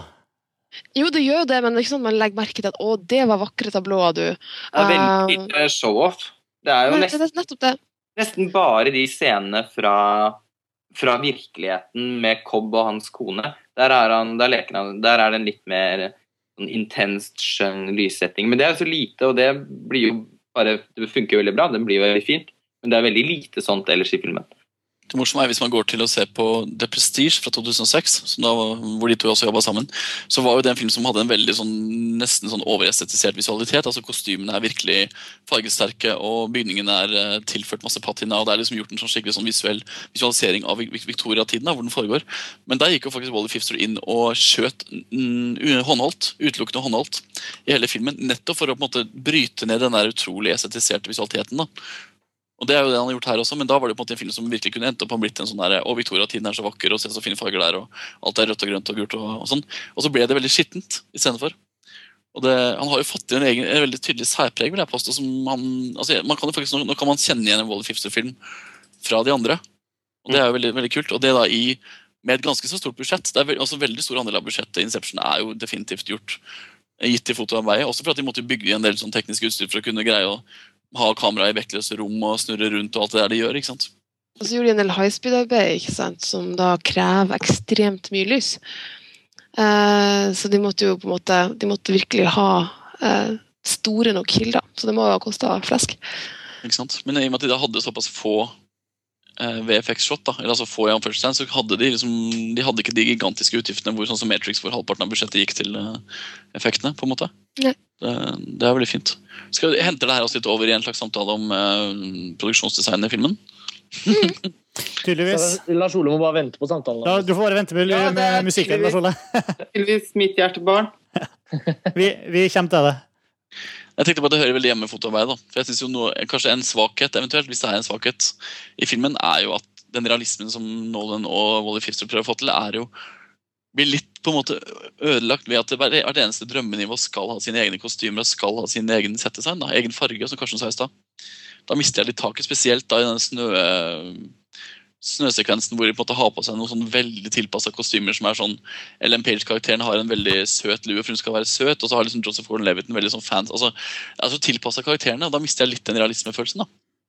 Vi snakket jo litt om det, og, og, og det er jo definitivt noe litt sånn Om ikke det er stilisert lys og sånn, så er det vel noe i La oss si overgangen, da, eller leddene mellom drømmene, som på en måte føles litt for tiltenkt. Litt sånn, Se hvor annerledes denne drømmen er fra denne. Og Jeg er enig med deg at liksom, det er særlig den vinter, det vinterscenarioet. Greit nok det er Ellen Page som har bygd disse verdenene, så det er liksom satt opp for at det skal være sånn, men det føltes, det, det føltes liksom et hakk Det blir utrolig rart å bruke ordet urealistisk, men det var et eller annet med, et eller annet med at uh, det bare var noe feil. Og det du sier med disse luene og disse altså, snøbrillene og, og i tillegg et par av actionscenene er litt sånn snøscooter-actionscene. Altså, det, jeg vet ikke. Det blir litt for glatt, kanskje. Mm. Kanskje hvis de hadde tatt seg Hvis de hadde slengt på enda litt mer på budsjettet, nei. Men eh, Du skulle nesten tro det var en grunn? drøm. Nei, men det, Så vidt jeg vet, så, så var det jo da en annen unit som var, gjorde mye av snøfoto. Det kan jo også ha litt med saken å gjøre, faktisk. Jo, men det er, liksom, så- det er så tydelig at han på en måte altså, Det er veldig stilisert. da, Hvis man, på en måte tar, hvis man glemmer fotoarbeidet og ser kun på settdesignen, eller vice versa, så er fotoarbeidet veldig realistisk. og alt det vi snakket om i sted. Men settdesignet har en sånn tydelig sånn identitet per drømmesekvens, og det er jo Nolan som har stått for det. det er jo, han er jo regissør Ja. for filmen, så han er ansvarlig for det. Uavhengig av Jeg er enig i det valget. Det, ja, og, og, og, og, og Nolan var til stede på hele Second Unit-innspillingen. Han- Alt, alt sammen. Det er nesten ikke Second Unit i Nolan sin film, faktisk. Men er ikke den, den delen av filmen også på en måte eh, Nolans liksom private utblåsning av sine James Bond-fantasier? Eh, sannsynligvis er det det. det. Det bryter nok også litt fordi at den delen er så eventyraktig, men eh, det ser jeg lett igjennom. Altså. Jeg syns- det nesten er litt søtt jeg, at han skal få ja, men Det er så tydelig at han alltid har hatt så sykt lyst til å lage en skikkelig hyllest til Honor Majesty's Secret Service, og det, det gjør han i hvert fall. Men det er jo også samme med 2000. hotell, eh, hotellobbysekvensen er jo like stilisert. altså det der eh, LM Page har endelig fått oppsatt hår. Da pga.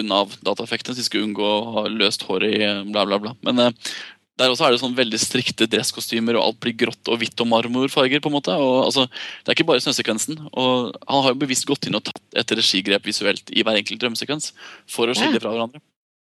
Jeg Og det er likte, det. apropos referanser, så likte jeg veldig godt at han kom seg til den 2001-referansen i det der siste inn i safen der når han finner faren sin. Mm. Eh, vi snakket om Cillian Murphys karakter og hele den trådens emosjonelle nivå. Da. Det, jeg er helt enig med Lars Ole, det du var inne på for noen kvarter siden. om at den, den historien er får så emosjonell resonans. Og når han kommer inn i det rommet med disse veggene som er helt sånn Helt fra slutten Eh, på 2001. Ja, ikke sant? For å holde en tråden, det, det, okay, men for å holde tråden, jeg prøver å snakke om meg, liksom, at jeg syns ikke at det funker da, som settdesign. Jeg syns kanskje at det er den kjipeste designen av filmen til Christopher Nolan, faktisk. Og det, det hadde jeg ikke trodd. Det skuffer meg veldig. Eh, Men altså, ingen av dere tenkte kanskje altså det, Kanskje jeg bare hang meg opp i det fullstendig oppi, så var det bare teit. Jeg ville tro de fleste ikke har brydd seg om det i det hele tatt. Nei, jeg vil si at jeg likte jo, jeg likte jo den måten han da valgte å eh, gjøre de skulle si, klippbare og altså, gjøre de visuelt forskjellige, de forskjellige drømmene. Også fordi man ofte mm, for drøm ja, har veldig sånne si, klare og ulike men dog realistiske univers når man drømmer. Så for meg så det her, er det har ikke slått meg som noe negativt i det hele tatt. Jeg likte mye av designet. Mm. Det er klart, Man har jo sånn personlige preferanser, så likte jeg kanskje heisen bedre enn en snø- og scooterjakta, liksom. Det, det ser jeg mer på som en smakssak. Mm. Det er jeg litt enig med deg. Jeg er også enig at Nå, jeg nå har- får vi mm? Jeg vil bare si at jeg synes også da, da, da er det liksom morsomt å tenke på det dypeste drømmenivået, hvor det virkelig abstraheres i langt større grad. da. Disse, Den evige byen som han har bygd til seg og kona, hvor de har levd i 50 år. Og disse husene på rekke bortover. og sånn, Det, det synes jeg, det gjorde meg, det traff meg veldig. da. Eh, Jeg likte også den biten med at han hele tiden strakte seg mot å få sett ansiktene til barna sine. Det er jo ikke en produksjonsdesign-ting, men det var også en bit av drømmegreia som, som jeg likte, og som egentlig brakte meg litt i Eternal Sunshine. Da. Det der at når du, ikke, når du faktisk ikke har sett ansiktene i den, det virkelige minnet ditt, så kan du heller ikke se det, selv om du kan konstruere den drømmen. Um, ja, jeg vil bare si det. Mm. Men det tar jo oss over ja. Ja, ja nå, nå, nå syns jeg vi må diskutere musikken. Det er jo- det er nærliggende å begynne med 2001 her, da. Når de er vektløse og svever, så er det jo ikke Blå Danube. Du hører. Nei, det er et vegg- et vegg-til-vegg-teppe av elektronisk Hans Zimmer-musikk, og bedre kan det jo ikke bli. Eh, Jeg har vært Altså, Hans Zimmer var i utgangspunktet en syntkomponist, og så ble han mer symfonisk, riktignok fortsatt mye synt, men, eh, men, men ble jo mer sånn symfonisk og på, på en måte pompøs komponist da, en eller annen gang på begynnelsen av 2000-tallet. Begynte vel med Gladiator. Eh, men jeg synes det, gjennom filmene til Christopher Nolan så synes jeg han har begynt å bevege seg i en veldig veldig interessant retning. Da, hvor han har begynt å grave litt tilbake til den mer sånn ambient-stilen sin. Og han har vel aldri dratt det så langt som i Inception, som noen ganger faktisk kan høres ut som det er selveste Vangelis som står bak, bak tastene. Selveste? Hæ? Selveste? Ja. Selveste Selveste. Vange... Ja, selveste. Han som har komponert musikken til Blade Runner, du vet. Hørt om han. Særlig i de rolige låtene.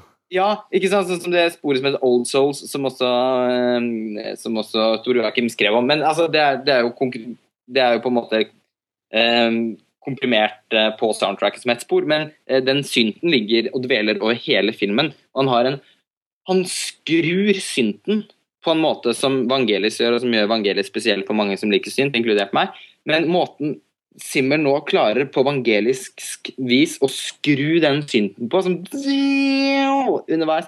Det gjorde at jeg nesten hadde sammenhengende gåsehud hele filmen. Du kan nesten si at det var distraherende, men på en veldig veldig fin måte. Det var veldig veldig vakkert. Og eh, samarbeidet mellom klipp og musikk var Det var så ekstremt sug over det, da. Eh, jeg vet jo at noen har kritisert musikken for å være for dominerende, og det kan jeg faktisk veldig godt forstå, men eh, sånn, på litt sånn private premisser så var det en katarsis. Jeg ble helt mørbanka av det soundtracket, og jeg har hørt på det 24 timer i døgnet etterpå. Og jeg syns kanskje det er det vakreste Hans Zimmer har laget noen gang. Høyttalerne på Prinsen kino i Trondheim ble også mørbanka. De tålte ikke. De, det hørtes ut som sprengt høyttalerlyd på de, mest, på de høyeste klimaksene. Oi. De, det var rett og slett dårlig. Høre. Overstyring. Det var, det var på pressevisning, så mulig de stilte inn eh, til, til publikum. Ja, det var ødelagt litt opplevelsen. Ja, det gjorde det. De alle, de, når, det, når det kommer med de superhornene og de virkelig sånn da, da, Sånn på slutten her, det, da skurra det i hele salen. Det var litt kjipt. Vi snakker jo om at Inception setter en ny standard for kino, men kanskje setter en ny standard for kino bokstavelig talt. De må Ja, faktisk ha bedre høyttalere. Er. Men kult var det likevel. Det er morsomt, altså Jeg er også veldig Hans Zimmer-fan, og jeg er ikke spesielt Vangelis-fan, så jeg er jo litt sånn ytterpunktet til Lars Ole. da, Men eh, jeg synes jo, jeg har jo, det beste Hans Zimmer har gjort for meg, er jo de filmer hvor han på en måte har vært subtil. altså 'Livets lyse side' og tynne røde linjen' og litt mer sånne pastorale, men subtile verk. da. Men her så er det jo egentlig sånn, føler jeg en slags sånn viderefølging av det han har gjort med Nolan på Batman Begins and Dark Knight, hvor han faktisk blir bedt av Nolan da, om å lage musikken parallelt med siste halvparten av innspillingen. altså Han skriver musikken mens de holder på med innspilling, og dermed får påvirke veldig klipp. ikke sant? Igjen det samarbeidet med klipp og musikk.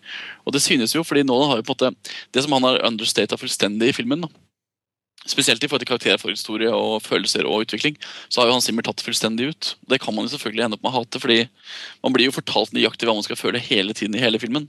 Og det kan jo være bra, for så vidt, men det er også kjipt fordi det er en film som kanskje ikke har et manus som forteller det, men utelukkende kanskje musikken, da, spesielt på slutten. Men for meg, samme som Lars Ola, for meg så ga det meg en slags sånn sammenhengende følelse av at ok, nå satt jeg bare liksom og jeg skalv og var helt liksom på kanten av setet og gåsehud, og det funka veldig bra for meg. da. Og det, det var egentlig en slags sånn sementering av Hans Zimmer som den virkelige tablåkomponisten for meg da, i Hollywood. Som da også er Evangelis sin rolle sant, på 80-tallet. Men en komponist som bare kan gå inn og legge på sånne store lydtepper. da, Ja. På store bilder, og som faktisk greier å leve opp til bildene. For det er det veldig få komponister som greier. Han Ja. greier å tilføre noe mer enn bildene. Det er nettopp det, og det er det som man Og jeg skjønner veldig godt at man kan diskutere Vangelis sin posisjon, men én ting skal han i hvert fall ha, helt udiskutabel, at i sine beste øyeblikk så har han, er han en av de få som har kunnet klare å virkelig lage musikk, vegg-til-vegg-musikk som til enhver tid klarer å leve opp til bildene, spesielt da i Blade Runner. Som, Mm. som har noen tablåer som, som man ikke kan forestille seg at man skal kunne rettferdiggjøre med musikk, men som han klarer. Og det er akkurat det han Zimmer gjør i den filmen her også, da. Og han tør! Altså Han tør å klinke litt til å være litt voldsom. Det virker jo som om Christopher Nolan har gitt han veldig veldig frie tøyler. da.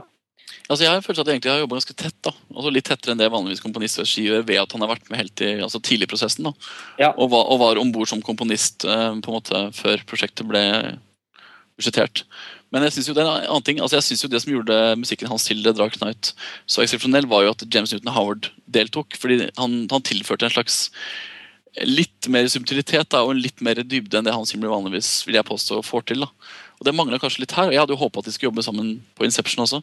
Men samtidig så, det er som du sier, altså det ligger så vegg til vegg da, i filmen at det blir to, bare én ting, at det blir en sånn elsk-hat-ting. Det finnes veldig få steder imellom tror jeg, hvor folk kan havne.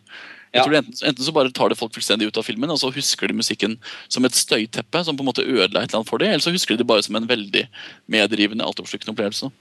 Mm. Det tror jeg er veldig riktig. Jepp. Eh, nei, jeg må jo se, og jeg plasserer meg jo helt klart i, i sistnevnte kategori. Og jeg syns det var um, sånn Hele lyddesignet var litt sånn Jeg vet ikke, på en måte litt sånn fascinerende gammeldags.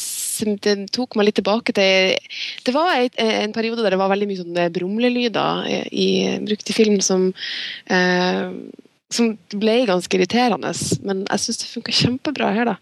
Jeg syns det at den var så intens. Altså, det er nettopp det du ser, det at du får deg til å sitte ytterst på, på kinosetet, til å bite negler og til å liksom være helt sugd fast. da. Så ja. Og det skal jo sies at det er veldig viktig å snakke om lydmiksen samtidig, fordi det som Nolan gjør med Hans Simmers musikk, på en måte, som veldig få vil jeg si, tør å gjøre med Hans Simmers musikk, at han tør å innlemme musikken som en del av det større lydteppet. De fleste ender jo opp med å bruke Hans Zimmer bare tematisk, altså kjøre på med tema, og så kommer lydmiksen i andre hånd. Men her er det veldig sammenfletta, sånn som i The Dark Night. og det gir den der følelsen at det er så utrolig med intensjoner. da. Det er ikke bare sånn Oi, shit, vi hadde tre uker med Hans Zimmer i studio, og han endte opp med å lage det her. Her er det planlagt. og da Jeg er veldig enig, ass. Ja, Og det og da blir det på en måte kompromissløst på den måten som vi liker. da, for Da blir det et Christopher Nolan-film. Da blir det liksom ikke en sånn det blir, altså Hans Zimmer deltar bare som et større element da, i Ja. hans film, og det syns jeg er veldig gledelig. Og, og, for det, det virker som det er veldig sånn dialektikk mellom eh, mellom musikk og lyd hele tiden. Altså De på en måte jobber litt både litt mot hverandre. De er litt sånn sparringspartnere, føler jeg. da. Og at eh, det at eh, Hans Zimmer implementerer også lydbildet i musikken sin, som han også gjorde på The Dark Knight, og det funker så utrolig bra. Eh, Den ambient-musikken blir på en måte lyden av den verdenen som er i filmen. da. Eh, Nei, det er veldig godt gjort. Jeg tror mitt favoritt-lydmiks-musikk-kombinasjon er jo Edith Piaf-miksingen over i det der støyteppet som de på en måte flytter Edith Piaf over i. da. Mm. Eh, det er veldig morsomt at han faktisk velger å bruke Edith Piaf, men det er en annen, annen historie. Men liksom, det er veldig kult, at- altså, det er veldig morsomt når regissører tør å ta de der kjempestore komponistene som jo faktisk jobber i Hollywood, og som ofte får lov til å dominere, fullstendig filmene, og så bare bruker det som verktøy. Og det, det må jo handle veldig om at Hans Zimmer og Christopher Nolan har en veldig god tone. fordi jeg føler jo faktisk at Når folk snakker om at filmen er så totalt overdrevet da, og ødelegger, så jeg er jo ikke enig i hele tatt, fordi den ligger der som et lydteppe. Og det, altså Hadde det føltes som at det var liksom bare sånn et uhell, fordi at Nolan ikke turte å si noe annet for til Hans Zimmer, så hadde det vært en ting, men her er det så tydelig med intensjoner. da. Um, Hadde det vært påklistret, så hadde det jo fått nettopp den effekten som vi da mener at det ikke har. Men det er jo ikke det. Det er jo en, en helt sentral del av hele filmens uttrykk. Ja. Er akkurat det, og det inngår veldig altså, ok, det kan, Man kan godt si at for på samme måte som settdesignet så henter det kanskje litt ut realismen ved at det blir sånn, det blir så jevnt. da. Men eh, ja, nei, altså jeg har også hørt på det soundtracket nå i ikke 24 timer, men i hvert fall i 12, da, siden jeg sto opp. og det er liksom, For meg så er det årets nest beste soundtrack så langt. Det er se semidiegetisk. Ja, Ja. faktisk. Og, og så må man ikke glemme, sånn for å anbefale lytterne våre til å gå inn på Spotify og virkelig høre på soundtracket, man må ikke glemme at Hans Zimmer på en måte også er popartist. Så um, han har jo også klart å redigere dette sammen til å bli noen, nesten noen låter. Da. Det er en, et høydepunkt på plata som heter Mombasa, som er bare helt vanvittig. Det er jo en sang man kan høre på før man skal ut på byen, vil jeg si. Det er en av de som skiller seg mest ut. da. Definitivt. Jeg syns også jeg spora James Bond-referanser i de rolige låtene. Uh, Ja. Og da, og da snakker jeg ikke om eh, James Bond-tittelmelder, altså, men da snakker jeg mer om sånn John Barry, uh, James Bond-kontentum. Er det, er det litt gitarbruken, eksempel? Nei, jeg tenker, jeg tenker mer på, på melodiene og, og strykerne. Så man må ikke glemme at han har fått med seg Johnny Marr, The Smiths-gitaristen, som også har jobbet mye med Pet Shop Boys de siste åra, som har gjort noen nydelige eh, ting for dem. Og han, på samme måte som Hans Zimmer har lært seg å skru synten sin, så skrur jo Johnny Marr den gitaren bedre enn kanskje de fleste andre i hele verden. Så eh, Hør på, prøv på soundtracket til The Living Daylights, for eksempel. Mm. Det var, det var en sånn som poppa opp i huet mitt som sånn referanse. Jeg har ikke hørt det soundtracket på mange år, men jeg har tenkt på det da jeg har hørt eh, soundtracket til Inception. Ja. Men a-ha laga sangen til Inception, da. Det var jo litt synd. Ja, men uh, John, ja, ja. John Barry var riktignok med på ha-låta, men jeg tenkte mer på de andre låtene. Som ikke Ja. var Jeg skjønner. Vi har, Jeg vi har, ikke noe vi har, eh, galt om a-ha her. Nei, jeg er stor A-fan. Men det ligner ikke så mye på, Nei, det gjør det ikke. på det vi, har, vi har en ganske stor artikkel om eh, musikken til eh, Inception på montasje, skrevet av Tor Joakim Haga. Som sitter og vrir seg håret når han river seg i håret når han hører det her nå. Og at han skulle Ja. vært med. Det må jo folk gå inn og sjekke ut, og så må jo de som da virkelig hater eh, musikken i Inception, gå inn og kommentere og fortelle hva de hata med den, og ikke bare si at det var støy. For Ja. det må jo handle noe mer enn det. Liksom. Ikke sant? Ja, gjør det, for jeg klarer virkelig ikke å forstå det. Jeg klarer liksom ikke å Eh, Nå har jeg, skal jeg minne at jeg er ikke den som har stått og hørt på, på soundtrack, fordi det for meg så var det bare en så uh, uatskillelig del av filmen. På, meg. eller ja, nei, det, det jeg An André Øvredal sier at han sier at musikk, den filmen er så pret... Ja, ja. Mm. Den filmen er så pretensiøs og pompøs at hvis den ikke hadde hatt en slik musikk, hadde det hele til tider framstått som latterlig. Men så konkluderer han med at han elsket filmen. ja. Og musikken. Ja. Jeg syns det er veldig det morsomt, og jeg synes det er veldig fascinerende, fordi det er veldig mange som har kalt Inception pretensiøs og pompøs, men herregud, ja, den er jo kjempepompøs. Den handler om liksom drømmer og dykker ned i sånne gigantiske landskaper. Men fy søren hvor mye mer, hvor mye mindre pretensiøs den er enn alt det andre rablet som Hollywood lager i løpet av en sommer. Altså. altså Gå og se Prince of Persia liksom, og sn- snakk om pretensiøs, fullstendig mangel på selvironi og fullstendig overmusikalisert. Altså det er bare sånn Ja, det er helt krise. kaos av en film. ikke sant? Det her er jo en Christopher Nolan-film. Det er et, et, eh, altså nå har jeg et ord som vi bruker altfor mye på montasje, men det er et autørverk. da. Det er en regissør som har en tydelig ambisjon. Han vil fortelle liksom noe om menneskets psykologiske natur og med, med mørkets irrganger og bla, bla, bla. Alt det vi har skrevet masse om på montasje. Og det er liksom ikke pretensiøst, for det er, det er av rettet han har spent opp. da. Og det er Han har liksom skrevet et har et originalmanus, han har gjennomført det. Han har pretensjoner, så vidt, men han har også ambisjoner. Han forfølger det helt ned til filmen er ferdig og leverer. Da, da tenker jeg liksom at Hvis man snakker om pretensjoner, så tenker jeg at det er jo et positivt ladet adjektiv. Mm. Ja, så tror jeg det folk. Folk, folk altså, biter på den kroken med en gang. Å nei, men var det ikke litt pretensiøst? Med en gang det er en film i den sjangeren som har, har noen helt andre ambisjoner. da. Og jeg føler at det er så lett altså man snakker om, Jeg syns det, det er viktig ja, at vi understreker at dette faktisk er en autørfilm. fordi det er veldig mange, altså, spesielt norske filmkritikere, føler jeg veldig lett klarer å vurdere de, de typiske europeiske dramafilmene. da, som sånn, åh, ja, Den tar opp de de temaene og, og, og setter inn autørkontekst, og nok en gang har den og den levert en hjerteskjærgripende film om et lite barn som døde, eller noe et eller annet. Eh, Man, de glemmer, Norske kritikere er utrolig dårlige på å, på, å på en måte anerkjenne blockbuster-autørene, for de fins. Og, og de må tas akkurat like mye på alvor, men samtidig da bedømmes på sine premisser. Og det er i så måte at jeg syns at Inception er en, en helt suveren film. da. Er, det, er dere interessert i å snakke om, eh, om tolkninga av filmen? Sånn eh, Liksom eh, type Hva betydde siste, siste bilde? Skal, hvordan skal vi se filmen som helhet? Eller er det egentlig irrelevant, syns dere? Jeg, jeg syns det har vært interessant å snakke om slutten. Fordi det er jo, det er jo en del måter å se, se det hele på, liksom. Jeg, jeg, husker jeg, leste, jeg husker ikke hvor jeg var lest det. Det er mulig det var Cinematical som hadde en skikkelig sånn utdypende Nå har jeg ikke, husker jeg ikke detaljene her, men også summert opp de mest vanlige tolkningene her. Og, og det, i hvert fall, eh, det går jo på sånne ting som hvorvidt hvorvidt, eh, hvor mye av filmen som egentlig er en drøm. ikke sant? Er hele filmen en drøm? Eh, eller er det en drøm fra og med at han tar opp han, eh, liksom de, de setter seg i flyet? Og, eller er det en eh, Når begynner egentlig drømmen for karakterene? Og selvfølgelig til slutt, er eh, Cobbs fortsatt i drømmen, eller er han ikke det? Når du ser den roterende totemaet hans. Eh, Og kanskje den mest interessante tolkninga er er det Ellen Page som er psykologen hans og, og styrer det hele og driver drømmeterapi med han? og faktisk får han gjennom eh, krisa si på den måten her. Den er jo veldig fin, da. Det var en veldig artig tolkning. da. Det er en fryktelig interessant parallell mellom Shutter Island og Inception. Det syns jeg er fantastisk morsomt. Det er veldig like, ikke minst pga. Leonardo DiCaprio, men også pga. alt, alt det andre. Ja, altså Hvis du tenker historien mellom eh, Leonardo DiCaprios karakterer i begge filmene og hans forhold til kone og konens skjebne, og hvordan dette fortelles gjennom i Shutter Island et slags sånn psykoterapeutisk teaterprosjekt, og, og i, eller et rollespill, da.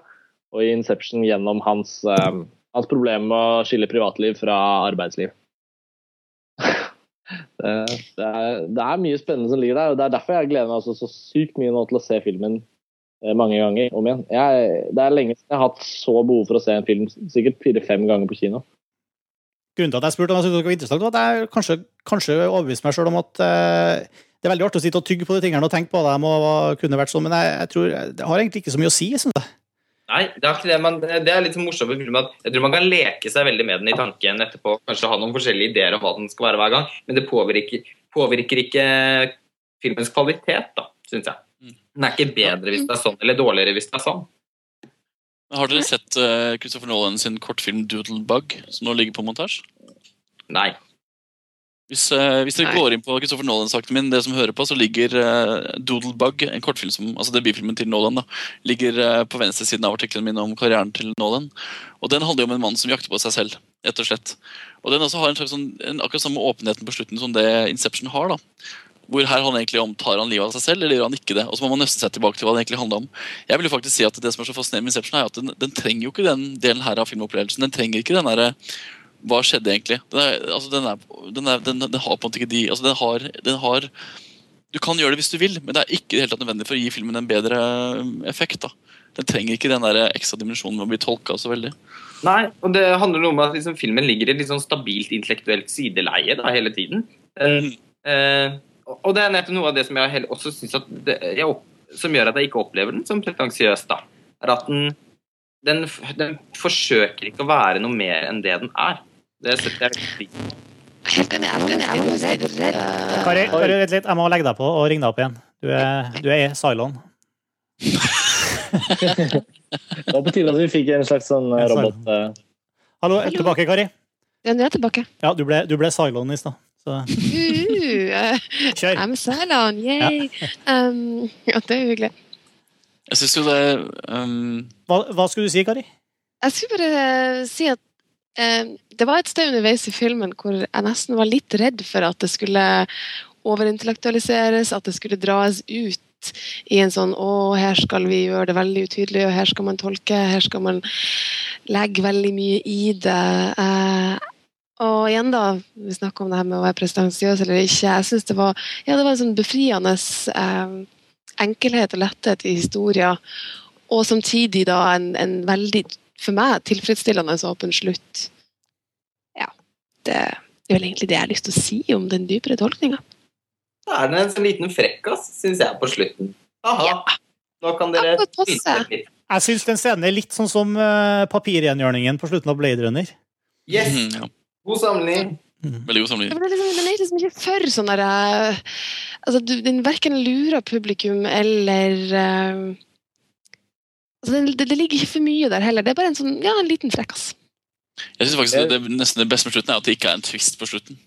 Ja, ja. Det hadde provosert meg. At det hadde vært en eller annen sånn twist som gjorde at jeg måtte bare nøste meg tilbake og se den på nytt. Og så da gjør sånn som Kari sier, jeg begynner liksom begynne å tenke på alle de der planene. Liksom, Den er ikke der, da. Og det, sånn som Kari- som Kari sier, det er veldig deilig. Men eh, det er også et punkt liksom, litt før selve slutten som, som eventuelt er interessant å diskutere. fordi nå har du sett den to ganger, Lars Ole, så du kan kanskje rette meg hvis jeg ikke husker alle detaljene korrekt. Men man får da virkelig ikke se Leonardo DiCaprios karakter nøste seg ut av disse drømmenivåene. Det klippes jo bare til at de våkner på flyet, og mellom, mellom at på en måte han er eh, i dypet av sin egen eh, ja, sitt eget oppgjør da, nede i drømmenivåene, hvor han skal liksom ta med seg han japaneren. Eh, Så, så griper japaneren til, eller Ken Watanabe, han griper til pistolen sin. Og så klipses det til at de våkner på flyet. Mm. Eh, og Det er kanskje en veldig logisk forklaring. altså Er det på det drømmenivået mulig å bare skyte seg i hodet og så våkne? Fordi det ikke er farlig der, men at det er, det er bare farlig i øvre nivåer? eller hvordan, altså Jeg må se den om igjen, men ved at de klipper rett i flyet, da, så ligger det jo på en måte en indikasjon om at kanskje ikke man kommer seg dit på en, på en faktisk, praktisk måte, men at eh, DiCaprios karakter i det dypet går til en slags sånn forestilt eh, happy ending på en måte for seg selv. Da. Og at den, så lenge den der lille snurrebassen ikke faller, så blir det et spørsmål som er åpent. Og akkurat som dere så er jeg så enig i at det er så deilig at den slutter sånn. At det ikke er noe, det er ikke noe settes ikke opp på en svær måte. Men det er umulig å ikke liksom stille spørsmål ved det hvis man følger nøye med. da. Det må ha vært en ganske svær måte i IMAX-en. Det må ha tatt ganske stor plass på skjermen, den snurrebassen. Det, det gjorde den. okay. Det var en svær snurrebass. Det var en svær snurrebass. Er det, skal det være vårt siste ord? Ja. Inception er en svær snurrebass. Christopher Nolan har en svær snurrebass. Ble Inception på. På slutten, liksom, og det er jo Inger Merete Hobbelstad i Dagbladet. Mm. Eh, vil jeg si, da. Vi kan jo krangle om det, altså. Men eh, jeg synes eh, det har vært en forferdelig kjip mottakelse av Inception i Norge. Ikke for at de må gjerne inn fire, jeg kan forstå det. Men det er på tide å begynne å se film i kontekst, også i norsk filmkritikk. Og det er, er på tide å begynne å se bakover. Hva denne mannen gjort før? Hvem er han egentlig? Hva vil Christopher Nolan? Og snakke litt om prosjektet til Christopher Nolan. Mm. Aspektet står fordummende og publikumsfiendtlig og ikke bryr seg i det hele tatt om sånne ting. Det er, liksom, det, det er bare, det er bare fordummer hele Ja, altså man blir faktisk Så oppriktig kudos til Dagbladet, og resten av andre får bare lære seg å gå på kontekstkurs og se litt film og få litt filmhistoriekunnskaper også. Ja, fordi man blir faktisk både frustrert og rett? Jeg følte nesten at jeg ble litt såra av den mottakelsen som Inception har fått i Norge. Det var et sånn bevis for meg på at ting ikke er helt som det skal. Og um, Jeg leste en eller annen anmeldelse av det. Ja, og de amerikanske kritikerne, typiske amerikanske kritikerne hyller dette verket som sier at dette er den nye Kubrick, bla, bla, bla, bla. Men så skal man også huske det da, at de amerikanske filmkritikerne stort sett har en langt større ballast enn det norske filmkritikere har. Det er ikke noen som bare plasseres til å anmelde film. De har stort sett faktisk veldig mye pondus og veldig veldig mye kunnskap, som gjør at de faktisk tør da, å, å anerkjenne et verk som Inception fullt ut. Og Det er veldig klassisk norsk filmkritikk å ikke gjøre det. Og Det syns jeg, som Eirik sier, at det blir fordummende. da. Og så skal det jo være givende å lese en kritikk etter at du har, lest, eh, etter at du har sett en film, og det gjør det ikke nødvendigvis om du er uenig med kritikeren hvis den kritikeren har gjort en god jobb. Sånn som anmeldelsen i New York Times til A.O. Scott. Han er ikke veldig positiv til Inception, men han skriver veldig godt om sine meninger. Eh, og selv ikke det er det Ja. Selv det er ikke et vanlig nivå i Norge, da, dessverre. Og forskjellen mellom f.eks. For den anmeldelsen i Morgenbladet og den i Dagbladet, for den i Dagbladet er vel kanskje den beste jeg har lest. det den er jo kjempestor. Det hele første avsnittet i Morgenbladet-anmeldelsen er jo bare surr. Bare tull. han liksom, presenterer en slags idé om at Inception er en film som bare geeks går og ser fordi de skal se etter, se etter hull, i manus, hull i manuset. Altså bare sånn, hvordan er det? Hva slags start er det på en anmeldelse av Inception? Bare sånn, Jo, men det, er jo, for det, er jo sånn, det her er jo et turnoff-konsept for mange i utgangspunktet, før de hele tatt har satt seg ned og sett første scene i filmen. Nei, men Jeg syns faktisk det er ganske hånlig gjort. Ikke om Ikke hvis jeg er filmanmelder, burde det i hvert fall ikke være det.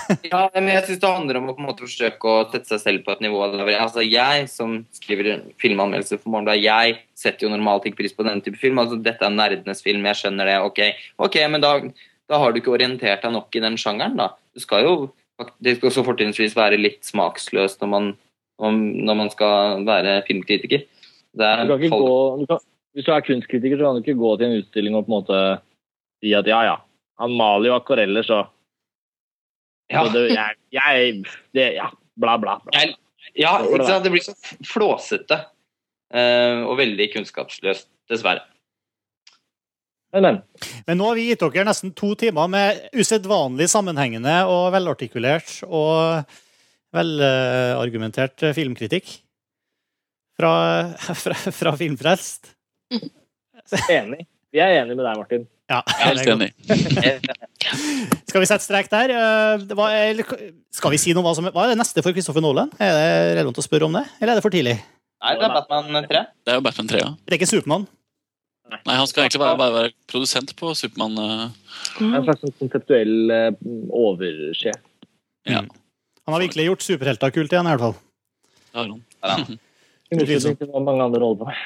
Nei, men Takk for laget, alle sammen. Det var veldig artig å høre alle de forskjellige Hyggelig å være tilbake. Det var lenge siden jeg har vært på en filmpress nå. Jeg merket det var, det var deilig. Ja. På høy tid.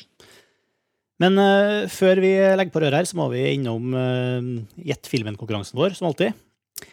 Sist uh, Filmfrelst, rett før sommerferien, altså, så spilte vi uh, følgende klipp, og det var opp til dere å gjette hvilken, uh, hvilket film klippet var fra. Her er klippet. It's a condition of mental divergence. I find myself on the planet Ogo, part of an intellectual elite, preparing to subjugate the barbarian hordes on Pluto. But even though this is a totally convincing reality for me in every way, nevertheless, Ogo is actually a construct of my psyche. Og det burde være umiskjennelig. Eh, Ikke fryktelig mange som, som klarte, men, men eh, en av de som sendte inn rett svar til oss, var Christian Tuv. Og ganske riktig, det her eh, Christian, det var et klipp fra 12 Monkeys, eh, regissert av Terry Gilliam, med blant Brad Pitt og, og Bruce Willis i, i hovedrollene. Så en T-skjorte, montasje-T-skjorte er på vei til deg i posten. Til dere andre som har lyst på en ny sjanse til å vinne en montasje-T-skjorte, eller bare vil ha en utfordring, så er det altså å spisse ørene og høre om dere drar kjensel på hvilken film det klippet her er fra. Mr. Shaw, we usually require a tie at this table. If you don't have one, we can get you one. Hey, that'd be real nice of you, Mr. Lonergan. Lonigan. Det var klippet. Hvis dere dro kjensel på filmen, så send dere en mail til filmfrelst at montasj.no med selvfølgelig da tittelen på filmen, eh, også postadressen deres og hvilken T-skjortestørrelse dere eventuelt ønsker dere om dere skulle vinne. Så det, lykke til. Neste uke, eller ja, om, nesten, om en halv uke, så blir det intervju med Thomas Cappelen Malling, eh, som har regissert eh, Ninjatroppen. kommandør Arne Trialto og Ninjatroppen, og, og Erik Fogel, som er produsent der. Og, og Filmfrelst eh, fast inventar, selvfølgelig. Eh, og så vet jeg ikke hva vi skal gjøre i Filmfrelsen etter der, så da Da starter jo høsten, og da er det jo en ny bølge av eh, filmer og norske filmer, og det er masse å snakke om. Ikke sant, så det kommer tilbake. Uansett, filmfrelsen er tilbake etter sommeren, så følg med. Takk for nå, Ha det. folkens. Ha det. Ha det! Ha det.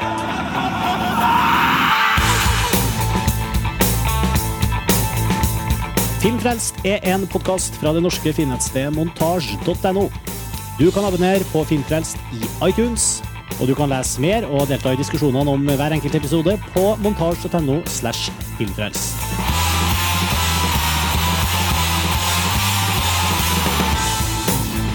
Filmfrelst distribueres nå også i samarbeid med Dagbladet, så du finner oss også på db.no slash film. Og musikken du hører nå, er fra det norske bandet Ping.